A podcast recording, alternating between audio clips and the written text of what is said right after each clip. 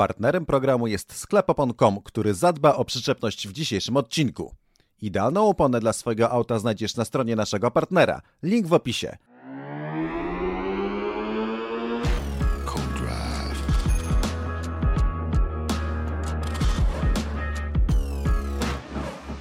Dla dwójki na żywo i milionów, które oglądają nas na YouTubie i słuchają nas w Spotify'u. Let's get ready to rumble! Witamy w Codrive numer 47. Czas podsumowań! Po mojej lewicy, ale jeżeli oglądacie nas na YouTubie, to bardziej po mojej prawicy. Król Facebooka i bestia z TikToka. Cezary Brum Brum Gutowski! O mojej jeszcze bardziej lewicy. Natomiast jeżeli oglądacie nas na YouTubie, to jeszcze bardziej po prawicy. Poszukiwana przez wszystkich fotografów w padoku. Aldona Queen of F1 Marciniak! A po środku, nie wiem czy Michael Buffer, czy e, urwał nam się z koncertu muzyki satanistycznej, zaraz powiemy więcej szatana! Max Kapłon! Dzień dobry. Poradziliście sobie dużo lepiej niż Sergio Perez. Może to jest znak, że to wy zajmiecie miejsce w Red Bullu w przyszłym sezonie. E, witamy was serdecznie w Kodrive numer 47. To jest ten numer, jeżeli nie usłyszeliście przez jakże kreatywne przywitanie. Jak zawsze zresztą czas podsumowań. E, dziś, bę- dziś będziemy podsumowywali. I to, już ostatni, I to już ostatni raz, kiedy powiedziałem to tym tonem i tym głosem. E, Podsumujemy sobie dzisiaj wszystko i wszystkich. Przypomnimy sobie więcej niż zdążyliście zapomnieć. Przypomnimy wam rzeczy, o których nawet nie wiedzieliście, że je zapomnieliście. E, ale zaczniemy od standardowo propsów i disów. Ale dziś przyszedł ten dzień, kiedy to będzie zło... A nie, miałem już nie robić tym głosem, dobrze. To przyjdzie e, ten dzień, kiedy nadamy złote propsy i złote disy. Jedna osoba, jedna rzecz, jeden zespół, to może być cokolwiek, to ustawi poczucie po propsach i disach po całym sezonie, więc mam nadzieję, że przemyśleliście to dobrze. E, ja Za zacznę. każdym razem, jak mówiłeś Tak. złotych, to usłyszałem tylko zło. złotych, tak żeś zaczął. A to druga rzecz, to od razu zacznę od anegdoty, że jak robimy e, pole position na ten, to zawsze Michał ma takie swoje wejście takim ten, że z palcem e, i zawsze tak się szykuje i jak on tak robi, to tylko zawsze czekam aż zrobi jak e, ten, jak Ali G. Buja kasza! A, a co do twojej w ogóle zapowiedzi, to jeszcze musimy wykorzystać ten patent, a ja go uwielbiam, ale jak są foiliki na papierosy, nie, to Tak, jest ten tak, numer, tak. że się zakłada nic dwa palce, jak się mówi albo śpiewa, to jak z tych głośników na tych, na, na Tak, tak, pielgrzymkach. na pielgrzymkach, tak, tak, tak. To jest nieprawdopodobne. No, Serio? Nie, Aldona, tak, Aldona No, teraz to zrobiła jest takie super oczy. numer. To jest niebywałe, w sensie to Tak. brzmi identycznie i robiłem to kilka razy, e, śpiewając właśnie pielgrzymkowe piosenki w bardzo randomowych momentach. Miałem taki rok, kiedy to był mój e, go-to joke i zawsze wychodziło świetnie, ponieważ to brzmi realnie jak Realnie, bardzo tak. słabej e, jakości pielgrzymkowy głośnik. Przesterowany. Mm, tak jest. Złote propsy i złote disy. Zacznę ja, bo cóż, najmłodszy, więc jak to często bywa we wszystkich grach, zacznę ja. A potem już losowo, potem już się nie będziemy, wiecie. Potem kobieta. E, tak. E, więc zacznę. Zastanawiałem się, mm, ale ostatecznie, jako że najmłodszy i jako że w porównaniu z wami to taki bez doświadczenia i myślałem o takich e, rzeczach, osobach lub wydarzeniach, które zrobiły na mnie największe wrażenie i mimo wszystko po wielkim procesie tentegowania w głowie, jak mówił król Julian, złoty props ode mnie idzie do, o, przepraszam, Liama Lawsona. Em, ponieważ był tu jakby na chwilę, ale zapamiętaliśmy go jakby cały sezon był. Chciałem tak troszkę kochanowskim, chociaż on pisał w nieco innym, w, w nieco w innej atmosferze. Mm, Natomiast jeżeli miałbym wybrać e, jedno, jedno coś, e, czemu mam nadać e, złotego propsa, to Liam, Liam, zapomniałem szczerze mówiąc już, która wersja jest poprawna. W każdym razie ode mnie props dla niego. Liamie, Liamie, jeżeli tego słuchasz, to mam nadzieję, że wrócisz jeszcze do Formuły 1 i dasz poparcie dla tego złotego propsa. Nie będą mnie wyśmiewać za rok, że oddał złotego propsa, a teraz skończył jak DeVries. Mam Ja nadzieję, myślę, że on słucha. Ja myślę, że on słucha. Ja też myślę, myślę, że nawet czuję gdzieś, wiesz, uszy ma czerwone teraz. Nie Tak, wiem w tak, jakiej zaczerwienił strefie. no dobrze, jeżeli czerwone, to Aldona. Złoty props za sezon 2023. Mój złoty props idzie do Fernando Alonso, ponieważ e, sympatyzuję z. Co, Ce- Cezaremu mu zabrałam. No, Wnioskuję spoko, po. E, Nie, to, to było wejście smoka i mm, piękna odpowiedź na wszystkie dyskusje, czy w tym wieku on wciąż to ma, czy tego nie ma. To jest naprawdę wybitny kierowca. Tytuły tego tak nie pokazują, statystyki tego tak nie pokazują, ale to, co zrobił w tym sezonie, to, co robi na torze cały czas, to jak walczy, jak się ustawia na torze, to jest, to jest jeden z najlepszych kierowców e, e, Formuły 1 i mamy szczęście, że do tej Formuły 1 wrócił. Rzekłam. No i mam ciężki wybór teraz tak naprawdę, Wers- bo Verstappen jest oczywisty, ale dla mnie on jest taki sub-zero, nie? W sensie, że to jest po prostu tak oczywiste, że szkoda marnować dla niego propsa, bo ma za Wytłumacz cały wszystkim, sezon. wytłumacz wszystkim, którzy nie, wie, nie grali w Mortal Kombat. Eee, że, że chodzi ci o postać Sub-Zero, Tak. eee, ale nie, to, a to z Mortal Kombat mi się wydaje, że Sub-Zero to jest taki po prostu, że eee, to jest powiedzenie takie z, z, zagraniczne, że po prostu coś jest totalnie już ponad, poza, poza rankingami, prawda? Oraz postać z Mortal Kombat. No tak, oczywiście, taka co, nie wiem, wyrywała głowę albo rzucała hakiem. Tak, no ten. właśnie nie, myślałem, w Mortal Kombat, myślałem, myślałem że Street uznałeś Fightera. po Street Fightera? No, świetnie. No to, to, to dobrze, że faktycznie, że nie mówimy o wieku. No dobrze. E, e, Ja e, w węża Przepraszam. Węż, No, a na telefonie? nagrałaś, faktycznie. Na Noki. Tak, w grę. Wszyscy Nie, grali w co- grę. E, Mój pierwszy komputer to Commodore 94. E, 94? 64. 64, no właśnie, 64. Złego słowa nie dam cztery. powiedzieć. No, fajny był, też miałem 64. Em, tak, tak, tak. I wcale nie był bardzo dawno temu. E, no dobrze, wracamy do propsa czarka. Y, Tak, wracamy do propsa czarka i kurczę, no chyba muszę dać jakoś kontrowersyjnie. Myślałem też trochę o Lulisie, e, ale jednak nie. Norris, kurczę, ale Norris tyle rzeczy, ciężko mi dać kolejnego. Norris tyle rzeczy, z drugiej strony też no, no, popsuł w takich kluczowych momentach, więc też jest rys na tym diamencie. Powiem wam szczerze, że mi się bardzo spodobała końcówka Charlesa Leclerca, ale to nie ma być za końcówkę, tak? Ma być za całe, za cały kształt, więc dam e, Albonowi.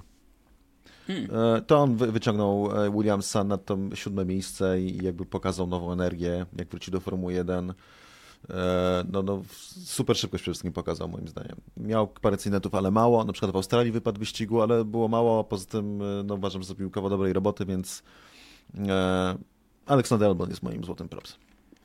Dobrze, dziękujemy bardzo. Mm, albo ja dziękuję, nie wiem czy Aldona dziękuję, tak powiedziałem, dziękujemy. Może niesłusznie. Nie ja mów w imieniu innych. No, ma- No Max właśnie, może. tak, tak, tak. Dziękuję. Mm, teraz złote, w zasadzie nie, no nie można powiedzieć złoty dis. Zgniły dis za całokształt Brązowy 2000. nie Z chciałem ziemniaka. tego powiedzieć, e, tak. Mm, Dis z ziemniaka. Em, Wiecie, jako że w, y, moja miłość do pewnego zespołu w tym roku się nieco wykręciła, to myślałem, że dam im. Nie powiem tej nazwy, żeby komuś nie zabierać, ale w którymś momencie jeszcze sobie o tym myślałem i doszedłem do wniosku, że nie.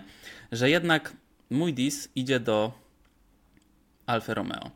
Ponieważ y, moim zdaniem jest to zespół, który na tej skali jakość do tego, co pokazują, poleciał naprawdę na łeb na szyję.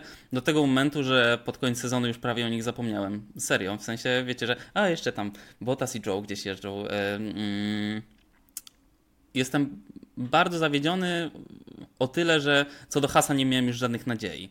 E, a myślałem, że jednak ta Alfa coś będzie jeszcze próbowała z siebie wykrzesać a, a nie wykrzesała. I zastanawiam się, w którą e, stronę to pójdzie. Przypominałem sobie te nasze rozmowy, wiecie, o tym idealnym zespole drugiej połowy stawki, który w zasadzie nie chce być lepszy em, i tak dalej, któremu Tak, pasuje ta tak. taka y, ob- nijakość. Mają zabezpieczoną więc- przyszłość dzięki Audi. Tak, tak jest. Więc mój di- dis z ziemniaka do Alfa Romeo. Proszę, Aldana. Mój dis z ziemniaka dla Logana Sargenta, e, który był jednym z no, gorszych debiutantów, jakich e, można sobie wyobrazić, chyba. E, Na tle Alexa Albona generalny dramat i mm, ostatecznie jednak chyba najgorsze to jest to, że brak progresu. Okej, fajne Las Vegas, E, dobry przebłysk, trochę właśnie mm, podkręcana ta narracja, że no widzicie, tutaj gdy wszyscy jesteśmy debiutantami, to Logan jest taki super Wszyscy fajny. jesteśmy debiutantami. E, tak, gdy wszyscy kierowcy debiutują na jakimś torze, a gdzie indziej to jest po prostu przewaga doświadczenia i tak dalej. No, ale nie, no, nie da się tym obronić 21 pozostałych e, wyścigów w, w sezonie. Także dużo rozmawialiśmy o tym, o tym amerykańskim kierowcy w Formule 1, kto nim będzie, który zespół po niego sięgnie, już to będzie marketingowy strzał w dziesiątkę. W przypadku Longana Sergeanta to, to się okazał nie wypał. Falstart. Amerykański falstart klasyczny. E, no dobrze, dis z ziemniaka od e, czaraka. Eee, brązowy dis mój jest moi mili dla Kevina Magnusena i nawet nie musiałem się długo zastanawiać, iż mnie wcześniej go ustalonego. Po prostu no, jest to kierowca, który mi działa na nerwy. E, Ale działa mi nerwy tym, że jest słabe, że został ściągnięty nie wiem po co i jakiś, szczerze mówiąc, może to, przepraszam, bo to może się zabrzmieć, ale irytują mnie jego miny. Ja zawsze jak daję ciała, nie? To taki jest E, I po prostu taki, taki kropka na D na temat tego, po prostu totalny typ przeciętniaka o przeciętnej mo- e, motywacji, który został zarany przez Hulkenberga, któremu też dałbym pół propsa, mówiąc szczerze. E, Bo, bo uważam, że ostatecznie zrobił dobrą robotę, mimo tego, że bo poza tym był Hulkenbergiem i, i oczywiście popełniał swoje błędy, nawet w Abu Zabi, wypadł z toru i trochę rozwoił samochód, ale generalnie był, był bardzo szybki przynajmniej po tej długiej przerwie. To jest Bottas na jego, e, Boże, Bottas, Magnussen na jego tle to jest w ogóle jakieś, e, no straszne, nie? Po prostu straszne widoki, demotywuje mnie. W sensie, że słoneczne dni za, za, zamienia mi w dni deszczowe, jak patrzę na, na jak się wypowiada po kolejnym wyścigu, w którym po prostu był żaden, tak, w którym go nie było, bo jest za słaby. Bo jemu się lepiej jeździ w, po, za, zakręty w kółko, a trzeba V jeździć i on tak nie potrafi. Co mi to obchodzi, nie? W sensie, absolutnie chyba dużo ze mnie wy- wycieka teraz jakiejś Nie. złej energii, co? Kontynuuj. Zastanawiam się, czy Kevin usłyszał kiedyś coś bardziej niemiłego w swoim życiu niż zamienia moje słoneczne dni w deszczowe. Mam Chryste nadzieję, Panie. Boże, mam nadzieję. Szczęśliwie nie umie po polsku, bo gdybym miał mu tak powiedzieć twarz, to tylko z takiej z, z ludzkiej racji w mu tego nie powiedział, bo bym Wiem, się czuł tak strasznie, że Wiem, co by ci jakąś odpowiedział. taką przykrość. No na szczęście no, nas nie słucha, nie? W sensie Magnusen. Co by odpowiedział? Wiem, no, to, no coś o jajkach z wolnego wybiegu zapewne. Mm, e, no w sumie by, miałby rację. Miałby rację, to jest najlepsza odpowiedź, nie? Na krytykę. Ale, ale, ale, ale to nie jeździ Formuła 1, to on zgarnia ile? 5 milionów dolarów? Jest ta statystyka y, kierowców, którzy ten, są najdrożsi, najmniej opłacalni, to chyba nie wiem, czy Magnussen nie wygrał. Jest na Że- czele. takie. Tak, Jest na czele 5 milionów dolarów e, pensji, milion punkty. sześćset kosztował każdy jego punkt. Wyrwany z gardła ten losowi. Mm, No dobrze. a jeszcze, a jeszcze tak. powiem, że pół disa dla Botasa y, za pośladki, nie? W sensie, że po prostu jakoś też... mnie- Ale za kształt, czy... Nie, jakoś y, całe, ja wiem, że to, to jest niby takie zabawne i tak dalej, takie luzackie, ale e, mówiąc szczerze, nie, nie podoba mi się męskie ciała. Może to mówię tylko w imieniu, nie, nie tylko moim, i jakieś takie pomysł, żeby go, oglądanie gołych tyłków męskich zupełnie mi się źle kojarzy. W skrócie. y, No, i, to gustu. Fakt, I moim zdaniem Bottas robi coś takiego, że on wzmacnia swoje, jest przeciętnym mocno kierowcą, który teraz już i stracił dużo motywacji, jeździ w, w słabym zespole, więc jeździ przeciętnie. To robi wokół siebie różne takie zamieszanie e, po to, żeby podbijać swoje papiery, tak? Bo z- ja, że to i jego ludzie kojarzą, że Formuła 1 teraz jest bardzo ważne, żeby mieć dużo followersów i robić duże zamieszanie w, w sieci i on tak wzmacnia swoją pozycję. Chyba dla Audi, żeby, nie wiem, żeby Audi go wziął, czy coś takiego. Moim zdaniem to jest taka gra. I mnie, dlatego Bo wiesz, bo w sumie logo Audi to trochę takie Na pośladki dupę robi karierę, właściwie, wiesz. E, Nie, dla mnie to jest trochę rzeczywiście taki kazus y, żartu, który był śmieszny raz, ale z Tak, uporem tak. Się, go, się go powtarza. To było fajne y, za pierwszym razem, no ale gdy już powtarza to, to już tak. No, Czy czekamy na kalendarz z zdjęciami Siusiaka? Myślicie, Em, będą takie czasy, myślicie? Myślę, że nie. Mimo wszystko. Kon- Zobaczymy. konsternacja na twarzy Aldony mówi, że ona niespecjalnie czeka, przynajmniej nie Botasa, e, czy też, czy też but Asa. E, teraz sobie o tym pomyślałem, że to idealna sklejka. Mm, No dobrze, dziękuję wam. E, Nasi drodzy widzowie, e, proszę powiedzcie, kto mm, był waszymi propsami i złotymi i zgniło brązowymi disami. E, Zaznaczmy tu, że oczywiście Max Verstappen też jak najbardziej zasługuje na złotego propsa, tylko podejrzewam, że chcieliśmy poszukać czegoś nieco mniej Nieoczywistego, oczywistego tak. niż taki Terminator. Mm, ale za chwilkę sobie o Maxie porozmawiamy, ponieważ przechodzimy do podsumowania i oceny całego Noty. roku. Noty od, od, od 0 do 10. Od, a w sumie tak, może nie od 1 do 10, zróbmy od 0. Albo prościej, od, Od 0 minus do 10. 5. Od, od sub-zero do 10. Ja się już nastawiłam na Sub-Zero do 10, więc Y, y, Dobrze, nie, 0,5. E, On był Sub-Zero, bo on był zimny, nie? W sensie, że lodem Tak, raził. on tak miał dalej. lodowe, ale Tak, tak, myślałem, szczerze mówiąc, że z jakiegoś powodu e, nieznanego mi Sub-Zero jest uważany za najlepszą postać w Mortal Kombat na przykład, a, a chyba wydaje mi się, że tam wszyscy są w miarę równi, że pewnie ten, no nieważne, nie zagłębiajmy się, to wcale nie grałem aż tak dużo w Mortal Kombat, żeby teraz się wypowiadać na Myślę, że jakikolwiek w, w Mortal Kombat były chyba mniejsze różnice niż na przykład w tym. W Street Fighterze w tym był super fajne postaci na przykład do gry. No, naprawdę mega Ja, fajne, bardzo mówiąc, jestem- bardzo różne style walki. Ja jestem Team Tekken, zawsze byłem. E, grałem Ja też tak nie wiem, co Yoshimitsu, to znaczy. ten taki z kataną, taki jakaś, nie wiem, no taki konkurent Mortal No Kombat. tak, Tekken. tak. A wiecie co? Ja na przykład grałam w UG. Też grałem w U. Taki, że się Serio? latali ci jaskiniowcy, tak. Takimi, że sami pedałowali Naprawdę? te helikopterki. No A jasne, myślałam, że tym, tym, tym przyznaniem się zakończę tę dyskusję, no. Tak, a wiecie, Zaskoczyło w co nasz e, nowy przyszły premier prawdopodobnie grał? Dużo? Nie, W, ale... Lemi- w Lemmingi. Czy to już sekcja dowcipów? Tak, kochani, to, to, to myśleliście, że będzie dowcip na koniec, a tu lecą od początku. No dobrze, chciałem odpowiedzieć, że, że I don't speak boomer, kiedy powiedzieliście o tym UG, bo nie mam pojęcia o czym mówicie, ale dobra, przejdźmy do, przejdźmy do, przejdźmy do ocen zespołów. Tak, tak, dziadku, idź spać. Ehm, przechodzimy do, do oceny. Cezary się troszkę obraził, nie żartuję.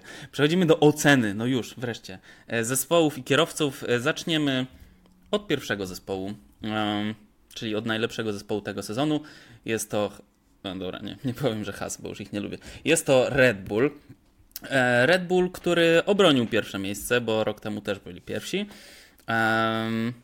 Pani Aldono, czy, czy chce Pani zacząć od swojej oceny Red Bulla i kierowców?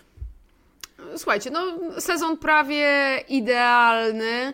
E, 21 zwycięstw na 22 wyścigi, 14 pole position, 11 najszybszych okrążeń, 30 miejsca, e, 30 miejsc na podium, 20 startów e, z pierwszego rzędu. To są statystyki Red Bulla, aż 860 punktów. Oczywiście e, przy tym wszystkim e, rzuca się w oczy ogromna dysproporcja pomiędzy oboma kierowcami Red Bulla. Max Verstappen z sezonem niemalże idealnym, co też e, będzie bardzo trudne do powtórzenia. To znaczy ten e, i ten kierowca, i, i rekordy kierowcy, i rekordy zespołu w tym sezonie to jest coś, co moim zdaniem będzie, będzie punktem odniesienia dla nas przez lata. Max wygrał 19 wyścigów e, w jednym e, sezonie. To jest nieprawdopodobny rekord, biorąc pod uwagę procentową e, wartość. Przejechał na prowadzeniu 1003 okrążenia, co stanowi ponad 75% wszystkich okrążeń przejechanych w Formule 1 w tym sezonie. 1325 Jest to wszystkie. I to jest też rekord. Specjalnie zmienił strategię wyścigu, żeby go pobić. Postanowić.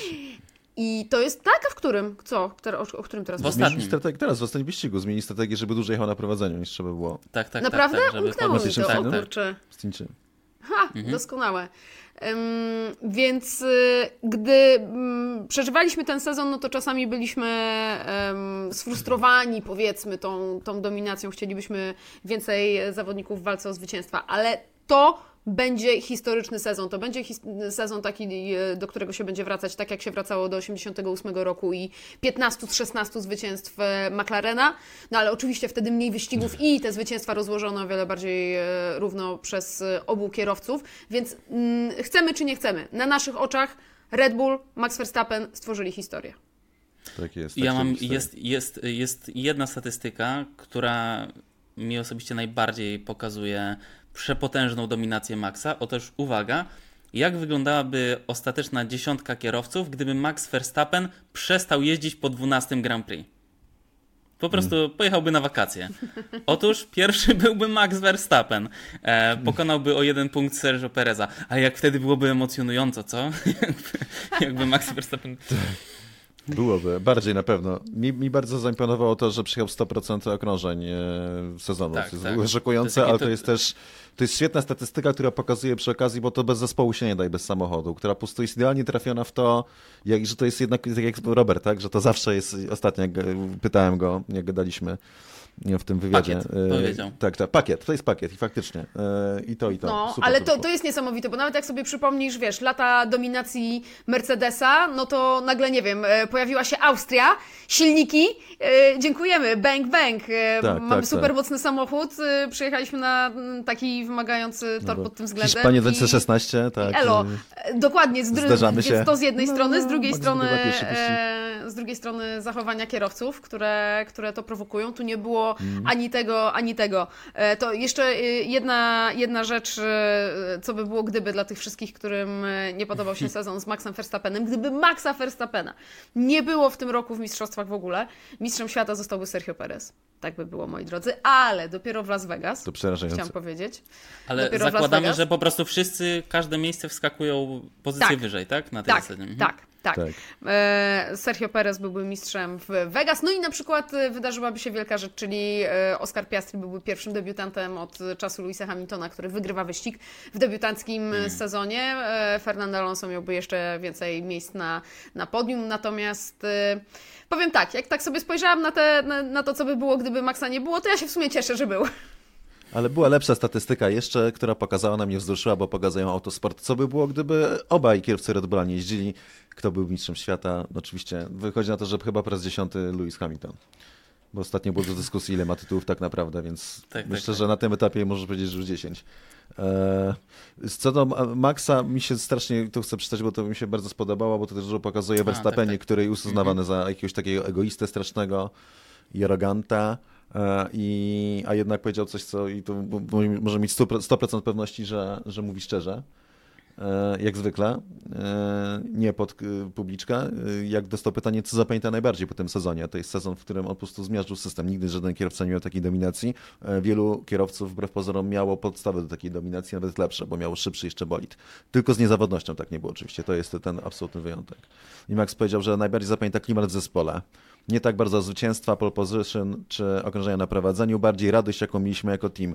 Bo zwycięstwa z pewnością są wspaniałe, ale bardzo ważne jest to, aby mieć w zespole dobrą atmosferę i mieć dużo frajdy z ludźmi, z którymi pracujesz. A w naszym zespole jest dużo mądrych ludzi.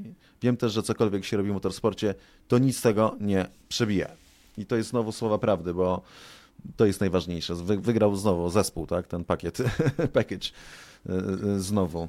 Ale to też z drugiej strony, to też Ro- Robert lubi powtarzać, że ten, że jak e, jest szybki bolid, to wszystko jest lepsze. Jedzenie lepiej smakuje i podróże są Właśnie. krótsze, A myśli, lepsze. myśli, myślicie, że na przykład jak jest połowa garażu, to ta połowa Maxa tam yo, piona, super atmosfera! I, a po drugiej stronie u Serży to wiecie, wszyscy patrzą spod zbyka, że tam, że tam jest tak fajnie.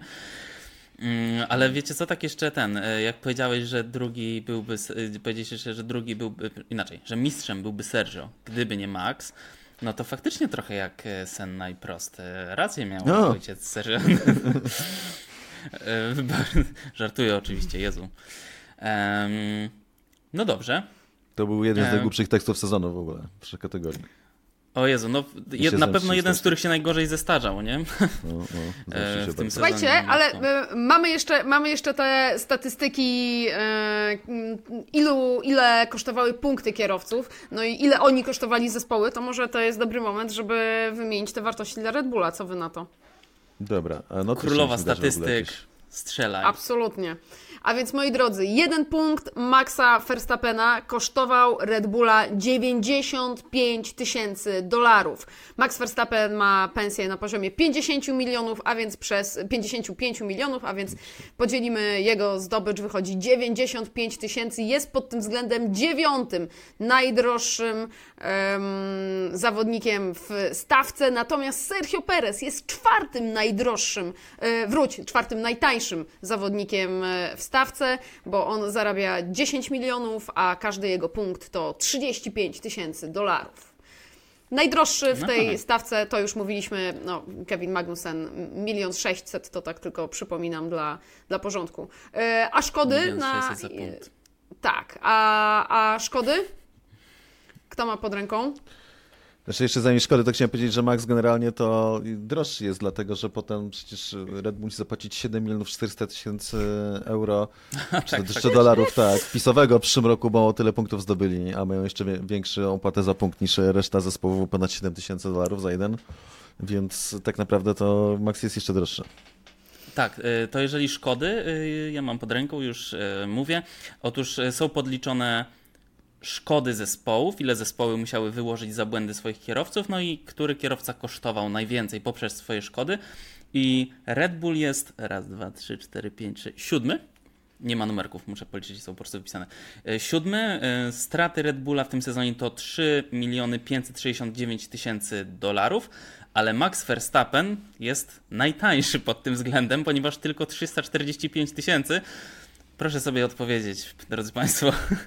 E, Ile zostało dla Sergio Pereza? tak, po, powiem tyle. Perez był trzecim najdroższym, e, więc może gdyby to wypośrodkować, to, wca, to wcale. Mm, no cóż, 3 miliony 224 tysiące kosztował zespół.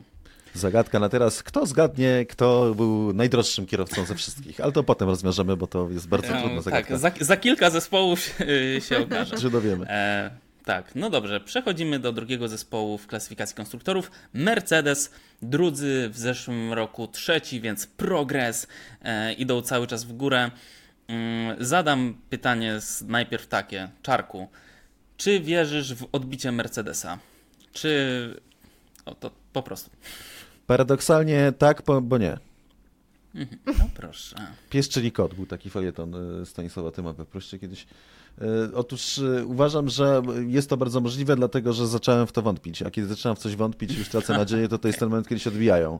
A wątpię dlatego, że się dużo rzeczy dzieje złych w Mercedesie, dziwnych. Fajnie Luis powiedział też, że ten potężna ilość presji z całą pewnością teraz ciąży na ekipie, generalnie całej. E, No jest takich wiele wyznaczników, między innymi ta lista prędkości pit-stopów, ranking robiony przez DHL, po prostu policzane punkty po każdej rundzie e, za najszybsze pit-stopy, e, to Mercedes jest dopiero siódmy i to też taki, dziesiąty jest Haas, dziewiąty Alfa Romeo, to dużo mówi zdaje się, a pierwszy jest Red Bull w tym rankingu. McLaren jest bardzo wysoko, Ferrari był chyba drugi, jeśli dobrze pamiętam. Tak więc to jest jed- jedna z takich oznak, no naprawdę bardzo pobłądzili i są w bardzo ciężkim punkcie, e, moim zdaniem. I to był też taki sezon trudny dla nich, bo kiedy już się wydawało, że to jest to, że, że już zrozumieli, że już się odbili, to się okazało, że nic nie rozumieją i nic się nie odbili. I nie wiadomo było, co się dzieje. Że nagle znowu w Brazylii żopa, jak to mówią po zagranicznemu. Więc e, no, przestaję wierzyć w Mercedesa, więc są duże szanse, że się odbiją. Dobrze. Wiecie co? A- To jest w tak, sumie tak naprawdę y, ciekawa dyskusja, czy to jest lepszy sezon dla nich niż zeszłoroczny, czy gorszy, ponieważ Dziękujemy E, Ci bardzo. Owszem, byli, y, byli y, rok temu na trzecim miejscu, teraz są na drugim, ale zdobyli mniej punktów niż rok temu. Rok temu wygrali wyścig, w tym roku wyścigu nie wygrali. Mieli jedno pole position i rok temu i teraz. Rok temu 6 najszybszych okrążeń, teraz 5, ale rok temu 17 miejsc na podium, teraz 8. E, Jeżeli spojrzymy na statystykę związaną ze zwycięstwami, no to to jest najgorszy sezon Mercedesa od e, 2011 roku, kiedy nie mieli nic, ani zwycięstwa, ani podium, ani pole position, w ogóle wszystko, wszystko na zero. Oni bolidu. Więc słucham? Oni bolidu. Ani, mm, tak, y, ani bolidu, to prawda. Więc tak naprawdę no, dużo też jest tutaj znaków zapytania związanych z tym, z tym zespołem. E, Lewis Hamilton udzielił Automotorom Sport takiego bardzo długiego wywiadu, w którym opowiadał o frustracji, o swojej frustracji kierowcy, którego się nie słucha, który miał pewne konkretne prośby e, dotyczące mm, tego, w którym kierunku ten samochód ma iść. Był bardzo zmotywowany mm, zeszłorocznej zimy. Przychodzi do fabryki, widzi ten samochód i widzi, że nie został wysłuchany. E, I to też jest trochę. No, Oni tam, Louis, ale jak ten samochód ma iść? Przecież on jedzie. Może zamiast mówić normalnie to śpiewał, czy coś takiego, albo rapował o tych zmianach. Oni zrozumieli, wchodził jakimś takim, ćwiczył ten, Hej, ten- kochani, podnieście skrzydło, coś nam oni. No. I moment, w którym, moment, w którym wsiadł do tego samochodu, już wiedział, że to będzie trudny rok i tak naprawdę też e, wymagało to od kierowców pewnego przestawienia się, trochę innego podejścia, trochę innego podejścia do ludzi w e, fabryce, żeby żeby to wszystko dźwignąć, więc e, drugie miejsce na papierze wygląda dobrze, ale jeżeli zajrzymy pod te kamyczki i tak e, kolejne sobie podniesiemy i sprawdzimy, co tam jest, no to tak różowo już nie będzie. E, powiem Państwu jedną statystykę, uważam najważniejszą, jeśli chodzi o Mercedesa w tym sezonie. Rok temu Aldona Marciniak nie była w ich fabryce i byli trzeci. W tym sezonie była i byli drudzy. Więc wiemy, kogo będą zapraszali co weekend w przyszłym Ten sezonie. Magic Touch zostawiłam Magic tam. Touch. Mm, Natomiast Mercedes jest zespołem, który najmniej zapłacił za e, wybryki swoich kierowców. To było jedynie 1 550 tysięcy e, dolarów, czyli dwa razy mniej niż na przykład sam Sergio Perez nastukał. I Hamilton jest 16 w tej klasyfikacji, 880 tysięcy dolarów, a Russell 19. E, Tańszy był tylko Verstappen, za to prawie dwa razy tańszy niż Russell, ale Russell 670 tysięcy dolarów. Yy, Czarek już nie raz, nie dwa zbił Russella za jego postawę w tym sezonie i dobieranie spodni i okularów, yy, więc Aldona powiedz, czy Hamilton usadził młodego Bryta, czy po prostu każdy musi mieć czasem słabszy sezon i Russell wróci. Muszę przyznać, że George jest dla mnie pewnym e, rozczarowaniem tego sezonu, ponieważ e, wyraźnie w wyścigach e, ustępował Lewisowi i była to kwestia jego błędów, i była to kwestia jego problemów. E, Hamilton to trochę tłumaczy właściwościami samochodu, że było po prostu czasami ich tak zaskakiwał, że raz to łapało jednego, raz to łapało drugiego. Najbardziej wyrównana para w kwalifikacjach, to warto podkreślić. 11 do 11, jedyna taka para w ogóle w całej stawce e, Formuły 1, e, która wyszła z tego na remis. Jeszcze jedna rzecz, George kończył sezon chory. On czuł się już źle od paru ostatnich wyścigów. W Las Vegas miał gorączkę, o czym na bieżąco nie mówił. E, Bardzo kaszlał przez e, kilka tygodni. E, Męczył się w samochodzie. Było słychać też w Abu Zabi, w, tylko skończył się wyścig, usiadł gdzieś tam dalej od, od, od pozostałych dwóch kierowców i, i, i sobie ciągle kaszlał, więc e, no też e, było mu trudno fizycznie. Natomiast Lewis Hamilton naprawdę on, on zaimponował po tym, szczególnie po początku zeszłego sezonu, gdy było widać, że gdy ma słabszy bolid, to przestało mu się chcieć. To tutaj w e, samochodzie, który, umówmy się, no nie wygrał żadnego wyścigu, to Lewis Hamilton zdobył pole position e, w tym sezonie, to Lewis Hamilton e, miał świetne Grand Prix w Austin, więc Stawał na podium często. tak, więc no, George jest tutaj na minus. Georges. E, Czarku? Jeszcze? Jednak? Georges Dostaniesz- Desad. Eee, no, nie no, ale to, to już mówiliśmy w trakcie sezonu. No, ja uważam, że George po prostu trochę, jak to mówią po zagranicznemu, took, the, took eyes off the ball, że po prostu za, no, za E, bardzo co? odpłynął w stronę popularki. Eee, To, to już drugie angielskie stwierdzenie, którego tak. mogliście się I- nauczyć w tym odcinku. I trochę mu tam raz a dwa, Luis go trochę pocisnął, wziął się trochę w garść i tam pokazał mu od czasu do czasu, jak, jak się jeździ. Też miał trochę pecha George, ale no, to był naprawdę słaby sezon w jego wy- wykonaniu. Ale przynajmniej w kwalifikacjach było równo, było 11-11. Tak. Zawsze potem dużo przygód w wyścigach miał po prostu George Russell. E, Także też no to, techniczne, prawda? Mm, Tak, no to na koniec y, kasa, którą zarabiają w przeliczeniu na punkty. George Russell, piąty, najtańszy, 45 tysięcy dolarów y, za punkt przy pensji 8 milionów y, dolarów, a Lewis Hamilton piąty najdroższy. Kierowca 230 prawie tysięcy dolarów za punkt, bo liczymy, że zarabia 53 miliony dolarów. Ale gdzie mu do Kevina? Cały czas w głowie sobie przeliczam to na ten, na ten bilet e, najdroższy w Las Vegas, który liczyliśmy, że 5 milionów dolarów na 75 osób to jest 63 No to, no to takie dolarów. trzy Magnuseny, no, trzy Nie, Magnuseny. nie, nie. 75 osób na tarasie, a nie na wyścigu. Na wyścig to Nie, 12 nie, nie. wyścigówek. Tak, tak, tak, ale liczyliśmy, ile, Tak, gdyby chcieć zaprosić się złożyć na taras, to po 63 tysiące. tak. Tak, tak. E, dobrze, przechodzimy do Ferrari. E, w zeszłym roku drudzy, w tym sezonie trzeci. Masakra. A czekaj, się... a jeszcze nie powiedzieliśmy o Szkodach. Nie, mówiłem, Powiedzieliśmy, jasno. oczywiście, Tak? że powiedzieliśmy. O, przepraszam, Oczywiście, że ja się tak. zakoncentrowałem z, z powodu problemów technicznych. Tak. E, były szkody. Szkoda to, że nie Mm, słuchasz, Ferrari. wiesz? Tak, o, ale mu powiedziała. E, Cezary, w ramach kary przez dwa zespoły się nie odzywasz. Czeka, czekasz dwie kolejki. E, Ferrari w zeszłym roku drudzy, w tym sezonie trzeci. E, po pierwsze, czy zmiana, albo po pierwsze i ostatnie, czy zmiana Freda na Freda wyszła im na dobre? E, ja osobiście chciałem tylko zacząć, ponieważ w pewnym momencie kładłem już przysłowiowy krzyżyk na Charlesu Leclercu. E, myślałem, że to jest ten moment, kiedy dobra, Charles, wypadasz z mojej osobistej czołówki, ale pod koniec sezonu przyznaję i kajam się sam przed sobą, że naprawdę pokazał zimną krew, czy może pazur, że może pójść w górę, że zagryzie zęby i po prostu zacznie jeździć lepiej. To nam nie zrobiło wrażenia, jeśli chodzi o Charlesa Leclerca. A teraz, czy zmiana na Freda wyszła na dobre? To jeszcze trzeba trochę czasu, ale myślę, że myślałem, że, że będzie gorzej, a jest dużo rzeczy do, do opanowania w zespole i wydaje mi się, że najgorsze to, to jest właśnie ta francuska robota, czyli takie wpadki, to musi Leclerca frustrować, że, że ktoś Francuska tam czy włoska? kabelka nie dopiął. Powiedziałem francuska? No. Tak. Boże święty, już naprawdę, wybaczcie, jestem zmęczony, ale bo tak sezon się skończył, a jeszcze po prostu dopinamy milion projektów. Włoska robota, czyli to jakiś tam, że fakt, że gdzieś tam kabelek nie był dokręcony, to sprawił, że na przykład nie pojechał w Brazylii, tak, bo padła elektry, elektry, elektryka, która obsługiwała, obsługiwała hydraulikę. Na przykład tego typu rzeczy. I to chyba nie był jedyny incydent w tym sezonie, więc takie rzeczy Fred musi ogarnąć i to jak najszybciej.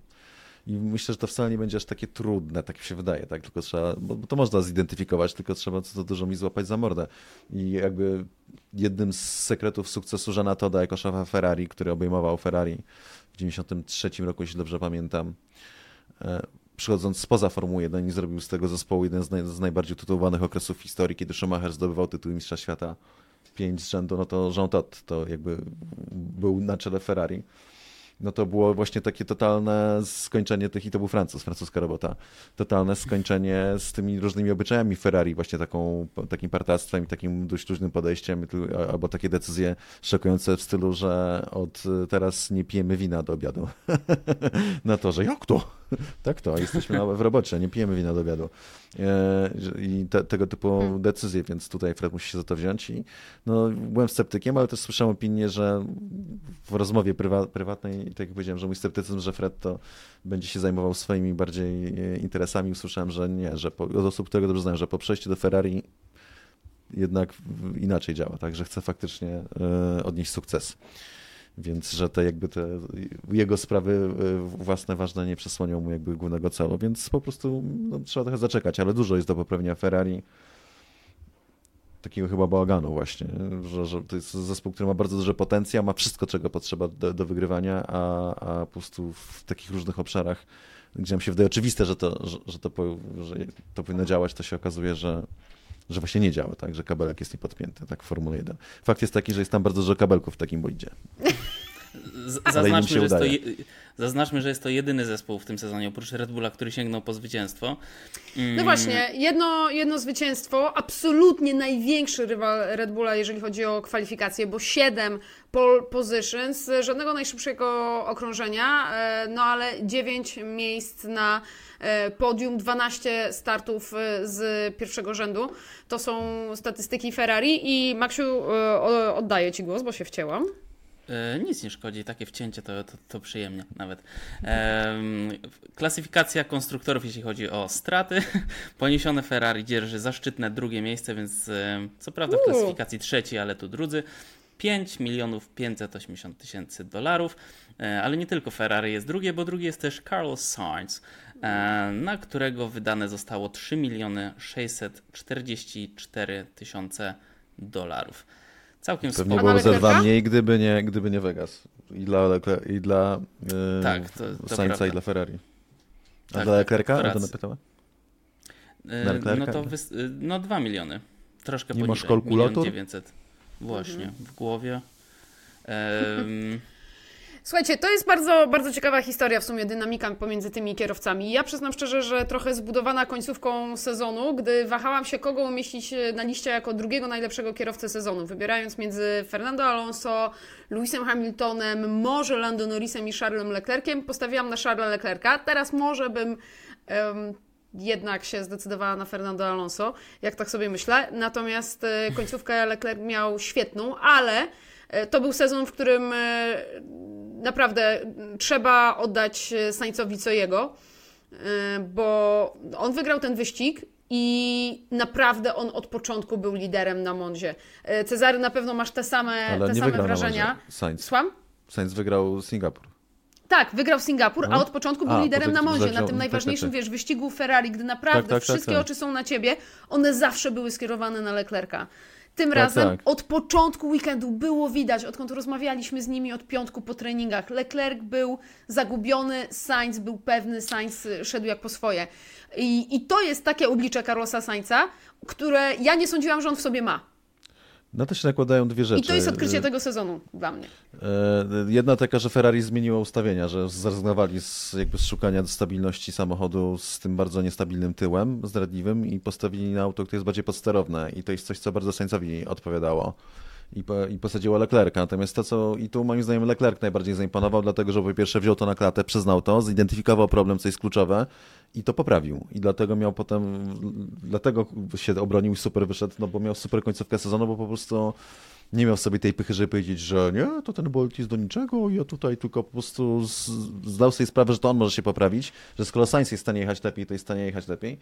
I to zrobił, podczas gdy Sainz miał końcówkę bardzo słabą i to jakby to Abu Zabi, to wypłynięcie z torów treningu i no, nie był w dziwnym miejscu i nie powinno tak, bolidy są za twarde, po prostu za nisko zawieszone. E, To było przy takim wyboju na, na torze, no ale tylko on tak wylądował na, na, na torze, więc miał z kolei bardzo słabą końcówkę sezonu i, i dla mnie Leclerc na, naprawdę był bardzo dobrze wypadł ostatecznie. To była ta jego wielka próba e, w tym roku, z którą wyszedł absolutnie obronną ręką. A Sainz, no niestety, e, mimo tego, no chociaż ta Moza, ona była super, nie? To się czuło właśnie w powietrzu, że e, e, no to pole position to było, było wspaniałe. Potem bardzo mądrze wyścig wygrany w, w Singapurze, też bardzo inteligentnie pojechany, więc pełne zasługi, ale Leclerc moim zdaniem pokazał, że jest lepszym kierowcą znowu w tym roku.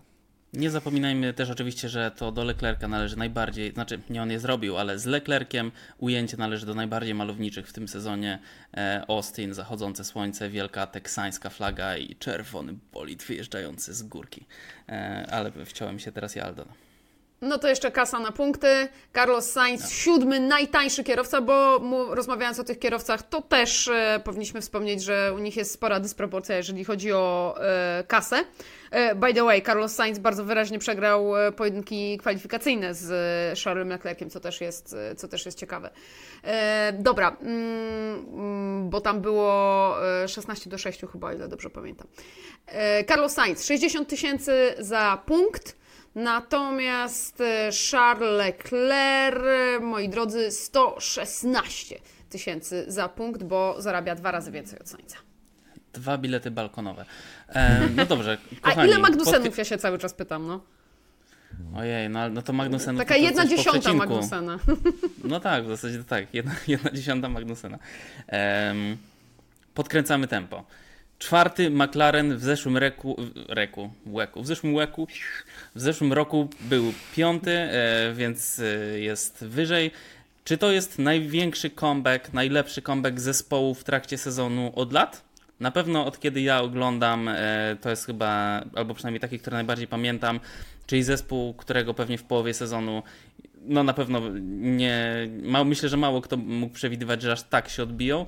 Pamiętam, jak, jak był ten wyścig w Austrii, kiedy im poszło tak dobrze, i potem tak wiecie, wszyscy bezpiecznie, że no dobra, to był taki tor, nawet kierowcy tak mówili, że, że tak nie będzie, a potem kolejny, kolejny, kolejny i dalej byli w czołówce.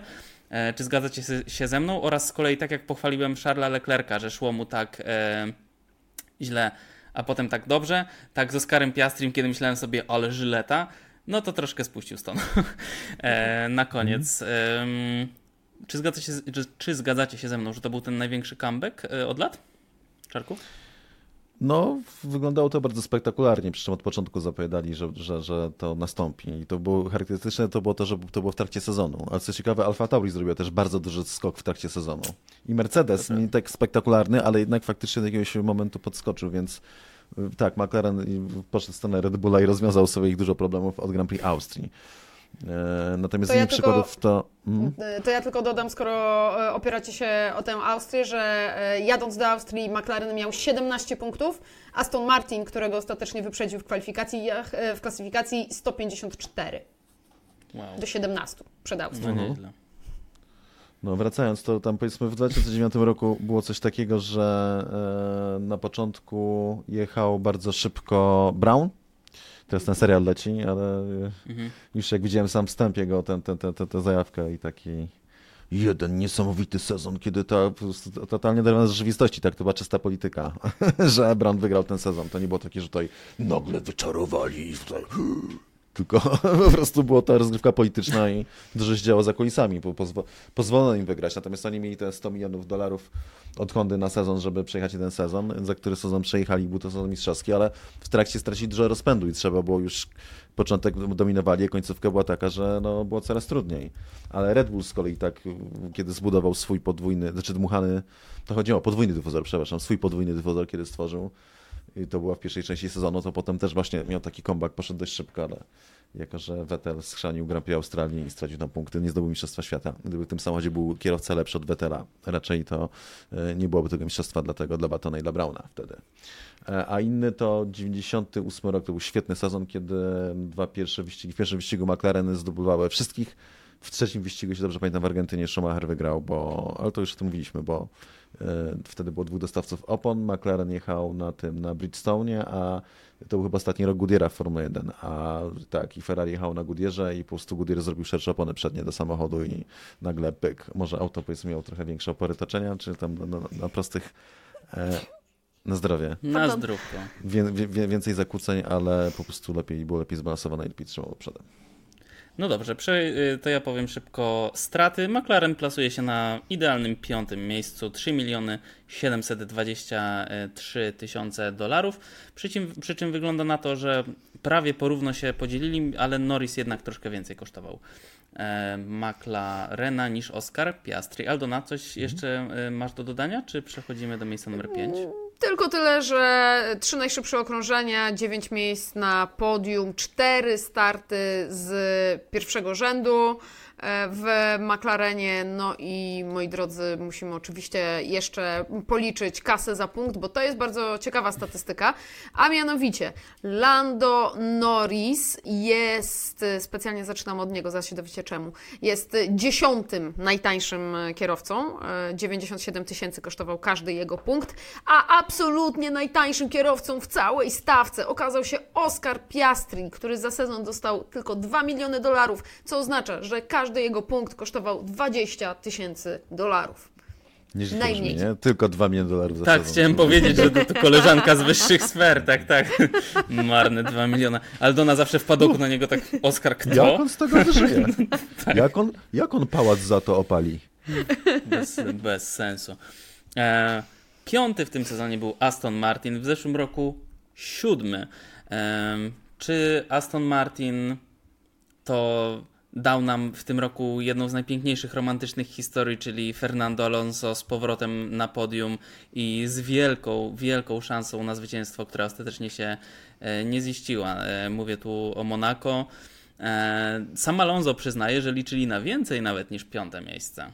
Pani Aldono, czy, czy cieszyło Panią, y, żeby, że widziała Pani znowu Fernando na podium?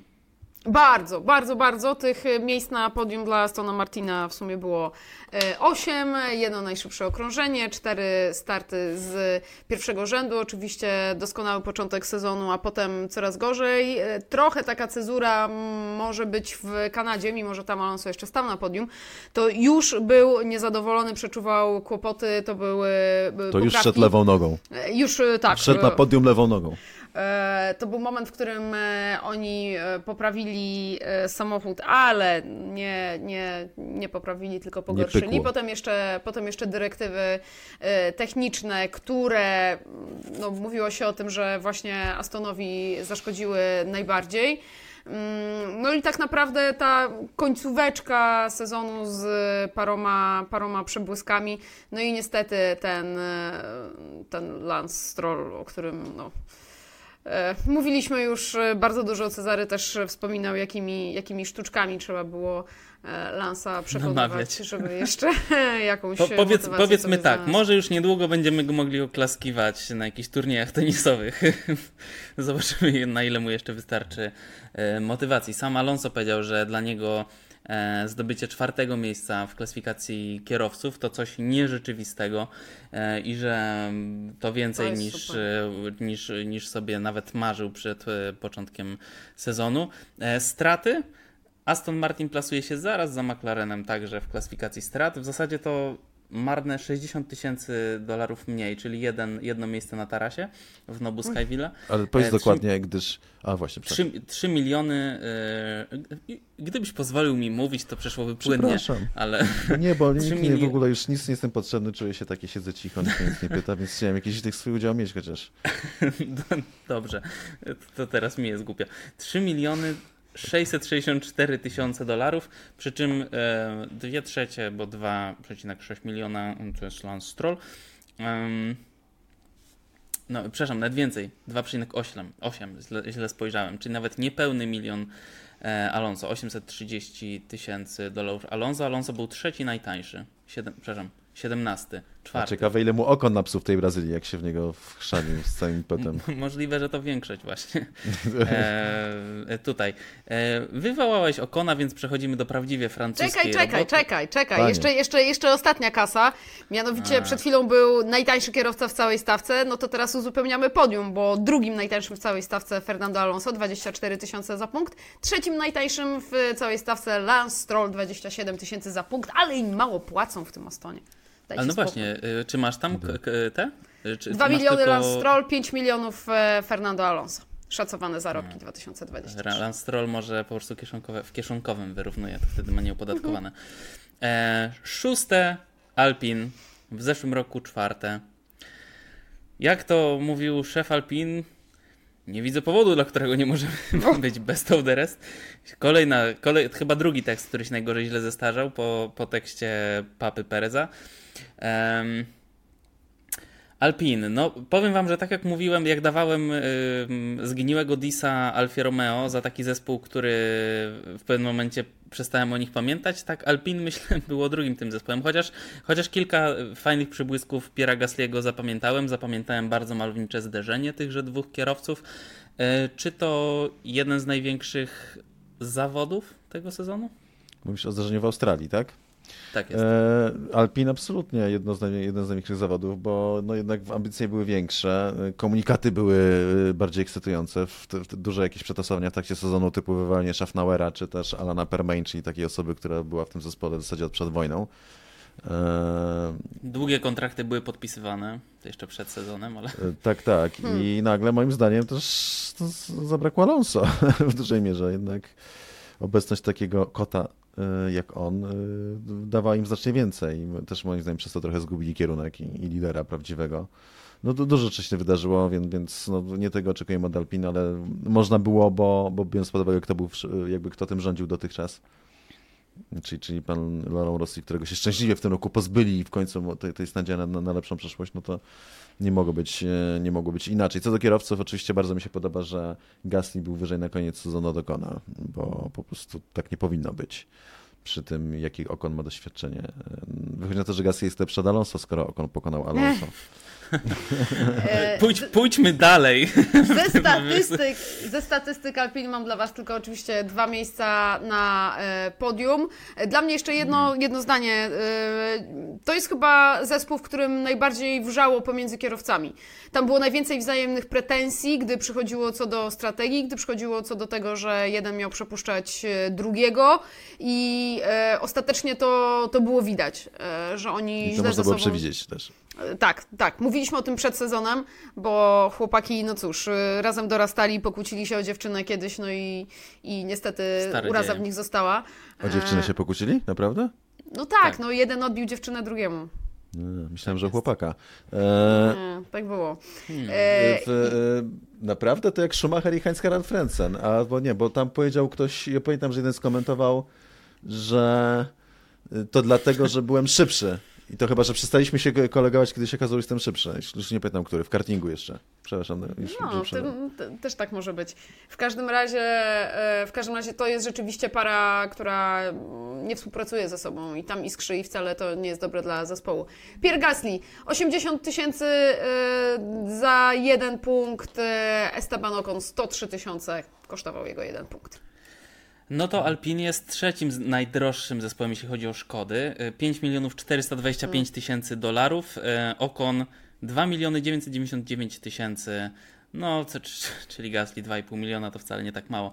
E, Ale jednak e, Okon. e, y, Ciekaw jestem, ile.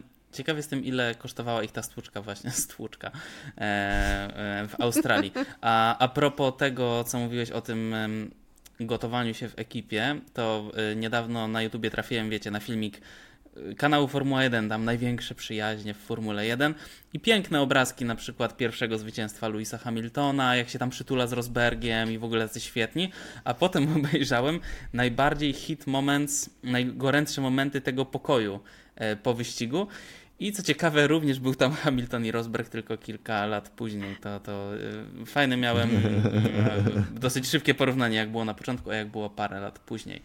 Następny zespół Williams, numer 7, w zeszłym roku numer 10, więc największy przeskok, jeśli chodzi o miejsca. Em, Ale też No wiesz co, Maksiu, i taki bardzo duży Tak. przeskok, jeżeli chodzi w ogóle o ostatnie sezony, bo jeżeli sobie zajrzeć tak, tak. na klasyfikację, to tak naprawdę od, to jest najlepsze miejsce Williamsa od sezonu 2017.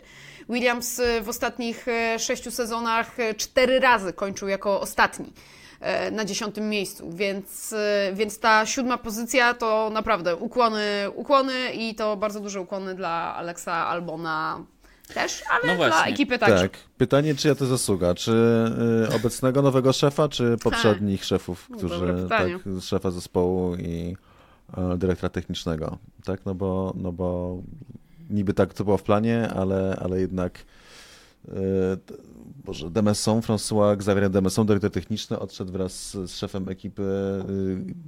wypo- Jak się nazywał szef Williamsa? Wcześniej szef Volkswagena WRC. E, Jost Capito. Tak, Jost, właśnie, przepraszam, wyparował mi znowu. Mam dziury w głowie.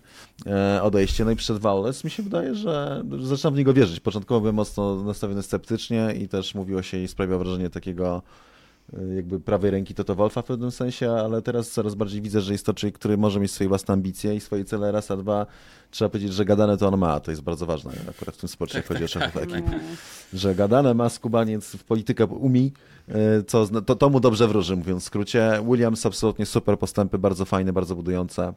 Jak robiłem te przewidywania na, jakby na sezon, e, zawsze daję w skarbach kibica dawałem, gdzie przewiduję mniej więcej skończy dany kierowca i zespół mniej więcej, bo niedokładną pozycję, ale zasięg. Tylko Williamsa nie trafiłem, bo dawałem mi najwyżej ósme miejsce, ale fakt jest taki, że gdyby gdyby Alfa Tauri miał lepszych kierowców, to byłoby, to Williams był ósmy. Z drugiej strony, gdyby Williams nie miał tylko Albona i nie miał w drugim samochodzie kogoś takiego jak sierżanta, to myślę, żeby jednak Williams faktycznie to siódme miejsce w pełni zasługiwał, tak więc super. E, Zanim przejdziemy do statystyk pieniężnych, bo to jest w, w, w tym Williams jest najlepszy, e, to e, chciałem porozmawiać o tym, czy to jest potencjalnie jedyny możliwy pusty fotel jeszcze w Formule 1. Co prawda piękne słowa inżyniera Logana Serżanta i właśnie Jamesa Vowlesa do niego na koniec po wyścigu w Abu Zabi, że no, do, no doskonały wkład w ogóle w rozwój tego zespołu, że przepraszamy, że nie mieliśmy lepszego rozbój, samochodu powiedział. dzisiaj. W rozwój? tak, tak. W rozwój. rozbój. A w rozwój, to może ten, jak w Sejmie ostatnio. Y, tutaj jest taki, mam taki cytat y, z- właśnie z Jamesa Vowlesa, który mówi, że chce, prze, chce obej- przejrzeć wszystkie dane z sezonu, e, jaki poczynił progres i dopisek czarka raczej dane z przelewu. To była nasza prywatna korespondencja w scenariuszu. E, ale, ale, ale myślę, że, że on point, e, jeżeli już sobie rzucamy angielskimi tymi mm, wstaweczkami. Czy myślicie, że jednak e, sierżant zostanie na przyszły rok? Zobaczymy, co tam pokażą cyferki na koncie. Nie? Dane. Dane. Ale to, to słuchajcie, no jakby też wszystkie wypowiedzi, też te wypowiedzi radiowe o tym świadczą, to nie były pożegnania, to były, no stary, pracujemy dalej, widzimy się w następnym roku, więc tego się należy, należy Nie takie spodziewać. historie już widzieliśmy, co prawda, ale masz rację. Dobrze, to ja się wyrwę jednak, ponieważ Williams był najlepszy, jeśli chodzi o pienie- straty pieniężne. E, I to był najlepszy, wyprzedzając drugie Ferrari o milion sześćset tysięcy dolarów. 7 piechotą nie milionów. Tak, 7 milionów, ale, ale biletu na Las Vegas by z tego nie było jeszcze. E, 7 milionów 120 tysięcy dolarów. Cóż za potężne Maksiu, ja nie wiem, tym... nie wiem, nie wiem, czy można powiedzieć, że był najlepszy w związku z tym, wiesz? Nie wiem, czy tak by tak Był najlepszy w, w traceniu pieniędzy. To jest, wiecie, O, tak, Bogatszy. jak, we, tak, tak. jak we Francach Monika, nie wiem czy oglądaliście albo pamiętacie, strasznie źle szedł jej masaż i nie mogła tego przeżyć i Chandler, żeby ją uspokoić, czy ją pocieszyć, powiedział, że jesteś najgo- najlepsza w robieniu najgorszych masaży. E, i, Więc można. Mm, Ja nie jestem odżał- niestety fanem tego serialu. Nieodżałowany Matthew Perry. Um, Logan Awesome. Sargent. Logan, Logan Sargent, najdroższy kierowca pod tym względem.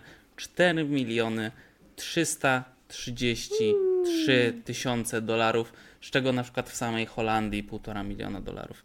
E, przepuścił, że tak powiem, przez palce. A teraz Aldona, jak No to, to wygląda, ładnie. jeśli chodzi o A punkty? przyniósł niewiele do zespołu. Przyniósł Logan Sargent y, jeden punkt, więc jeden do jednego, jeden milion y, zarabia, jeden punkt, więc jeden milion ten jego punkt Tak kosztował. uczciwie, no. Pod tym kątem e, drugi najdroższy kierowca, a jego kolega z ekipy Alex Albon, który na swoich barkach to wszystko ciągnął 111 tysięcy. Za jego jeden punkt trzeba było zapłacić. Ósme Szacunek. miejsce. Ósme miejsce Alfa Tauri w zeszłym roku. Dziewiąte miejsce. Przez długą część sezonu to już wspominaliśmy, tak? Że może, że to jest ewentualnie drugi kandydat, czy druga kandydatka, bo Alfa Tauri, ale nie, zespół. Drugi kandydat do największego comeback- comebacku tego rocznego powrotu, bo no na początku wyglądało to fatalnie. Przypominam, jeździł jeszcze z nami Nick de Vries wtedy. To już są mocno zamierzchłe czasy, to się wydaje jak jakiś poprzedni sezon. E, A jednak e, się odkuli. Jest to zespół, w którym jeździło najwięcej kierowców e, w tym sezonie, bo aż, czekajcie, jeden, Czterech. dwa, czterech, czterech, tak, tak, dobrze. Przez chwilę mi się wydawało, że coś źle policzyłem. Czterech, czy, no, czy największa, no nie chcę powiedzieć kontrowersja, bo już bez przesady, ale jeśli chodzi o skład i o to, co można by z tego potencjalnie składu wyciągnąć, mówię, piję tu do mojego złotego propsa oczywiście i Liama Lawsona. I największe zaskoczenie tak naprawdę, że ten Liam sobie tak świetnie poradził. Aldona, co zapamiętasz z tego roku z Alfa Tauri, oprócz prezentacji bolidu w Nowym Jorku? Najszybsze okrążenie Yukiego Tsunody A, w Grand Prix racja. USA y, oraz prezentację bolidu w y, Nowym Jorku. Ja zapamiętam e, spotkanie z szefem nowym zespołu, Peterem Bayerem w To siedzibie prawda, Alfy. Tak, Tauri, które było bardzo fajne. Była ta wycieczka w ogóle do siedziby Alfy tak. Tauri. Tam było bardzo ciekawie wesoło. Był też Tsunoda, którego, do, do którego zapałem jeszcze większą sympatią, bo zawsze miałem jakiś z tyłu y, taki cień. y, Na trochę tego nie pokazywał, ale... sympatii, ale Nie takie, łaskawiec. wiesz, bo on ma, nie, bo, nie, bo on ma w sobie te, kilka takich cech bardzo fajnych, takich, e, no, że jest człowiekiem, sprawia wrażenie dobrego przyjaciela na przykład. Mm, osoby, która potrafi docenić inne osoby i pomóc innych osób, co jest nie tak częstą cechą w dzisiejszym społeczeństwie międzynarodowym. E, Więc a, no, pokazał się z bardzo fajnej strony, więc to też zapamiętam bardzo dobrze. Ten końcówka sezonu bardzo fajna dla Alfa Tauri i bardzo pocieszająca. Mm, No i wydaje mi się, że dobre perspektywy bardzo na przyszły rok, kiedy nie będą już sami kombinowali i będą brali to, co się da od Red Bulla. Dziwne, że tego wcześniej nie robili, ale z drugiej strony y, ja to szanowałem, dlatego że dzięki temu też widzieliśmy te, te, te wszystkie te działy tak rozwinięte, mimo że to jest mały zespół w siedzibie Alfy Tauri, to jednak to może, robiło takie wrażenie ciągle, że oni jednak ciągle wiele rzeczy robią sami. E, Ale to się kończy. Znaczy, będą nadal robili to, co trzeba, ale no już będą brali od Red Bulla te rozwiązania najlepsze, co, które Tak można jest. brać I przy- zespołu. I przypomnijmy, w, w przyszłym sezonie nie będą się już nazywali Alfa Tauri, będą Tylko się nazywali. Niby, że Racing Nie, no, Bulls, tak? Racing Bulls. No jeżeli to się okaże No, prawda, to to jest słabe. to jakaś totalna, najgorsza zmiana, tak, tak. Toro Rosso. Alfa Tauri, świetne nazwy. Racing Bulls. Serio? Nie. L- zresztą w ogóle- Racing Balls. Tak, w ogóle R.Bulls powinni się nazwać jeszcze. Mm, No dobrze, ale, y, ale całkiem nieźle wypadają, jeśli chodzi o szkody, e, bo są trzeci najtańsi. 2 miliony 777 tysięcy.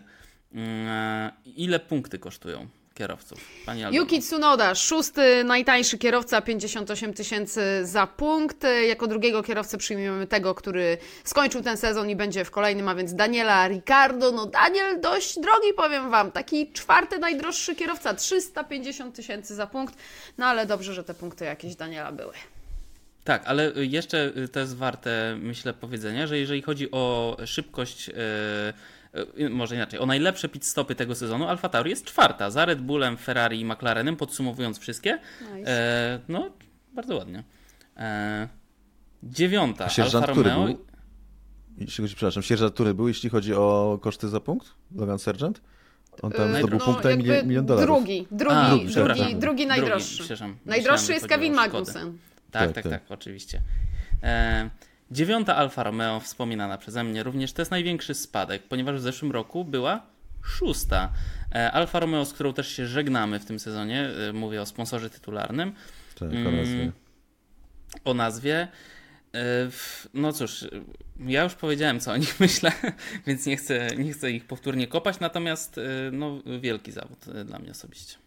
Ale wiesz co, nie jesteś w tym odosobniony, bo tak naprawdę wiele osób ma problem ze wskazaniem jakiegoś ważnego momentu, Alfa Romeo, cokolwiek.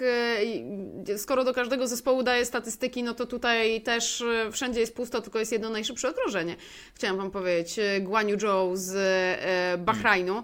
Mm, Natomiast tak naprawdę, jak chcesz się zastanowić, jaki to był sezon e, Alfa Romeo, no to tak myślisz, myślisz, myślisz, myślisz, myślisz i w sumie nie wiesz. Gdzieś oni pod e, radarem absolutnie przeszli. E, Z kilkoma, z kilkoma przebłyskami. Pamiętam ten entuzjazm na, na Węgrzech, wtedy nawet na gridzie rozmawiałam z Alessandro Alunim Brawim, kiedy byli na piątym i na siódmym miejscu w, w kwalifikacjach.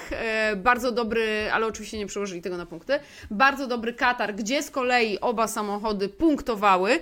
No i tak naprawdę to tyle. A mieliśmy 22 wyścigi sezonu. Wymieniłam coś wartego wspomnienia w trzech.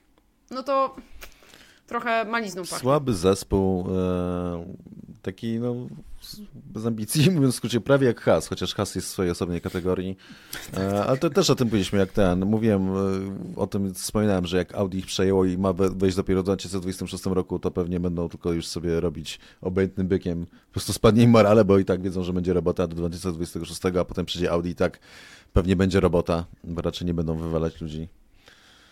Chociaż żeby się nie zdziwili. Tak się E, powoli żyje.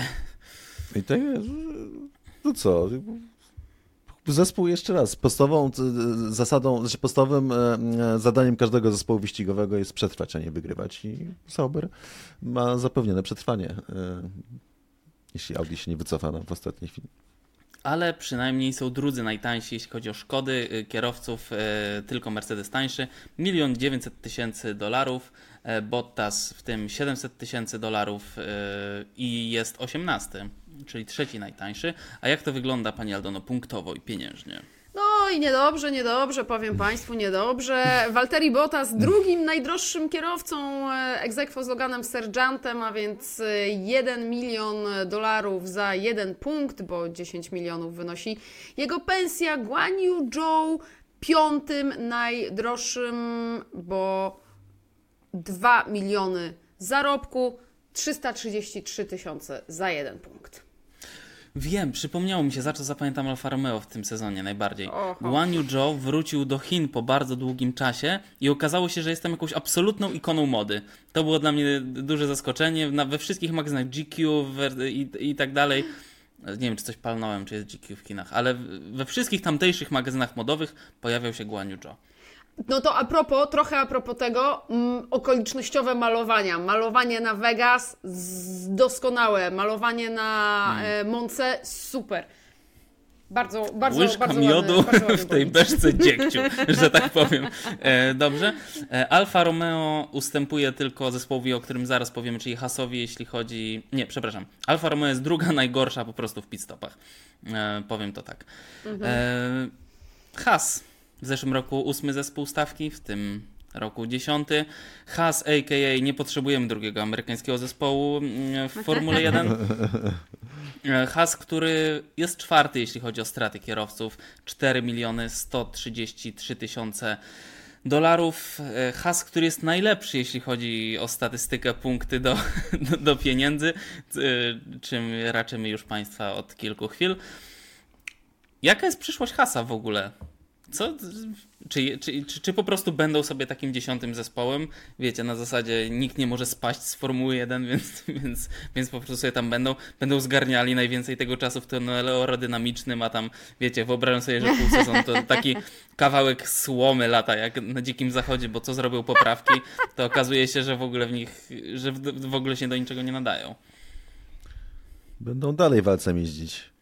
Eee, nie widzę przyszłości dla tego zespołu. Dla nich przyszłość jest taka, że nie wiem, może jak Ferrari, e, no tu jest cienki, cienki lód, ale no jak Ferrari jakoś będzie starało się, nie wiem, bardziej nawet nie wiem, czy mogą, no bo oni biorą po prostu Ferrari to, co się da, mają tam swoje biuro jedno z projektowych przy Ferrari, no ale też nie można robić jakiegoś takiego transferu wiedzy, że sobie przekazywać pewnych rzeczy, bo to jest e, nielegalne, tak? Nie, więc nawet nie wiem, czy Ferrari ma tutaj coś do zrobienia.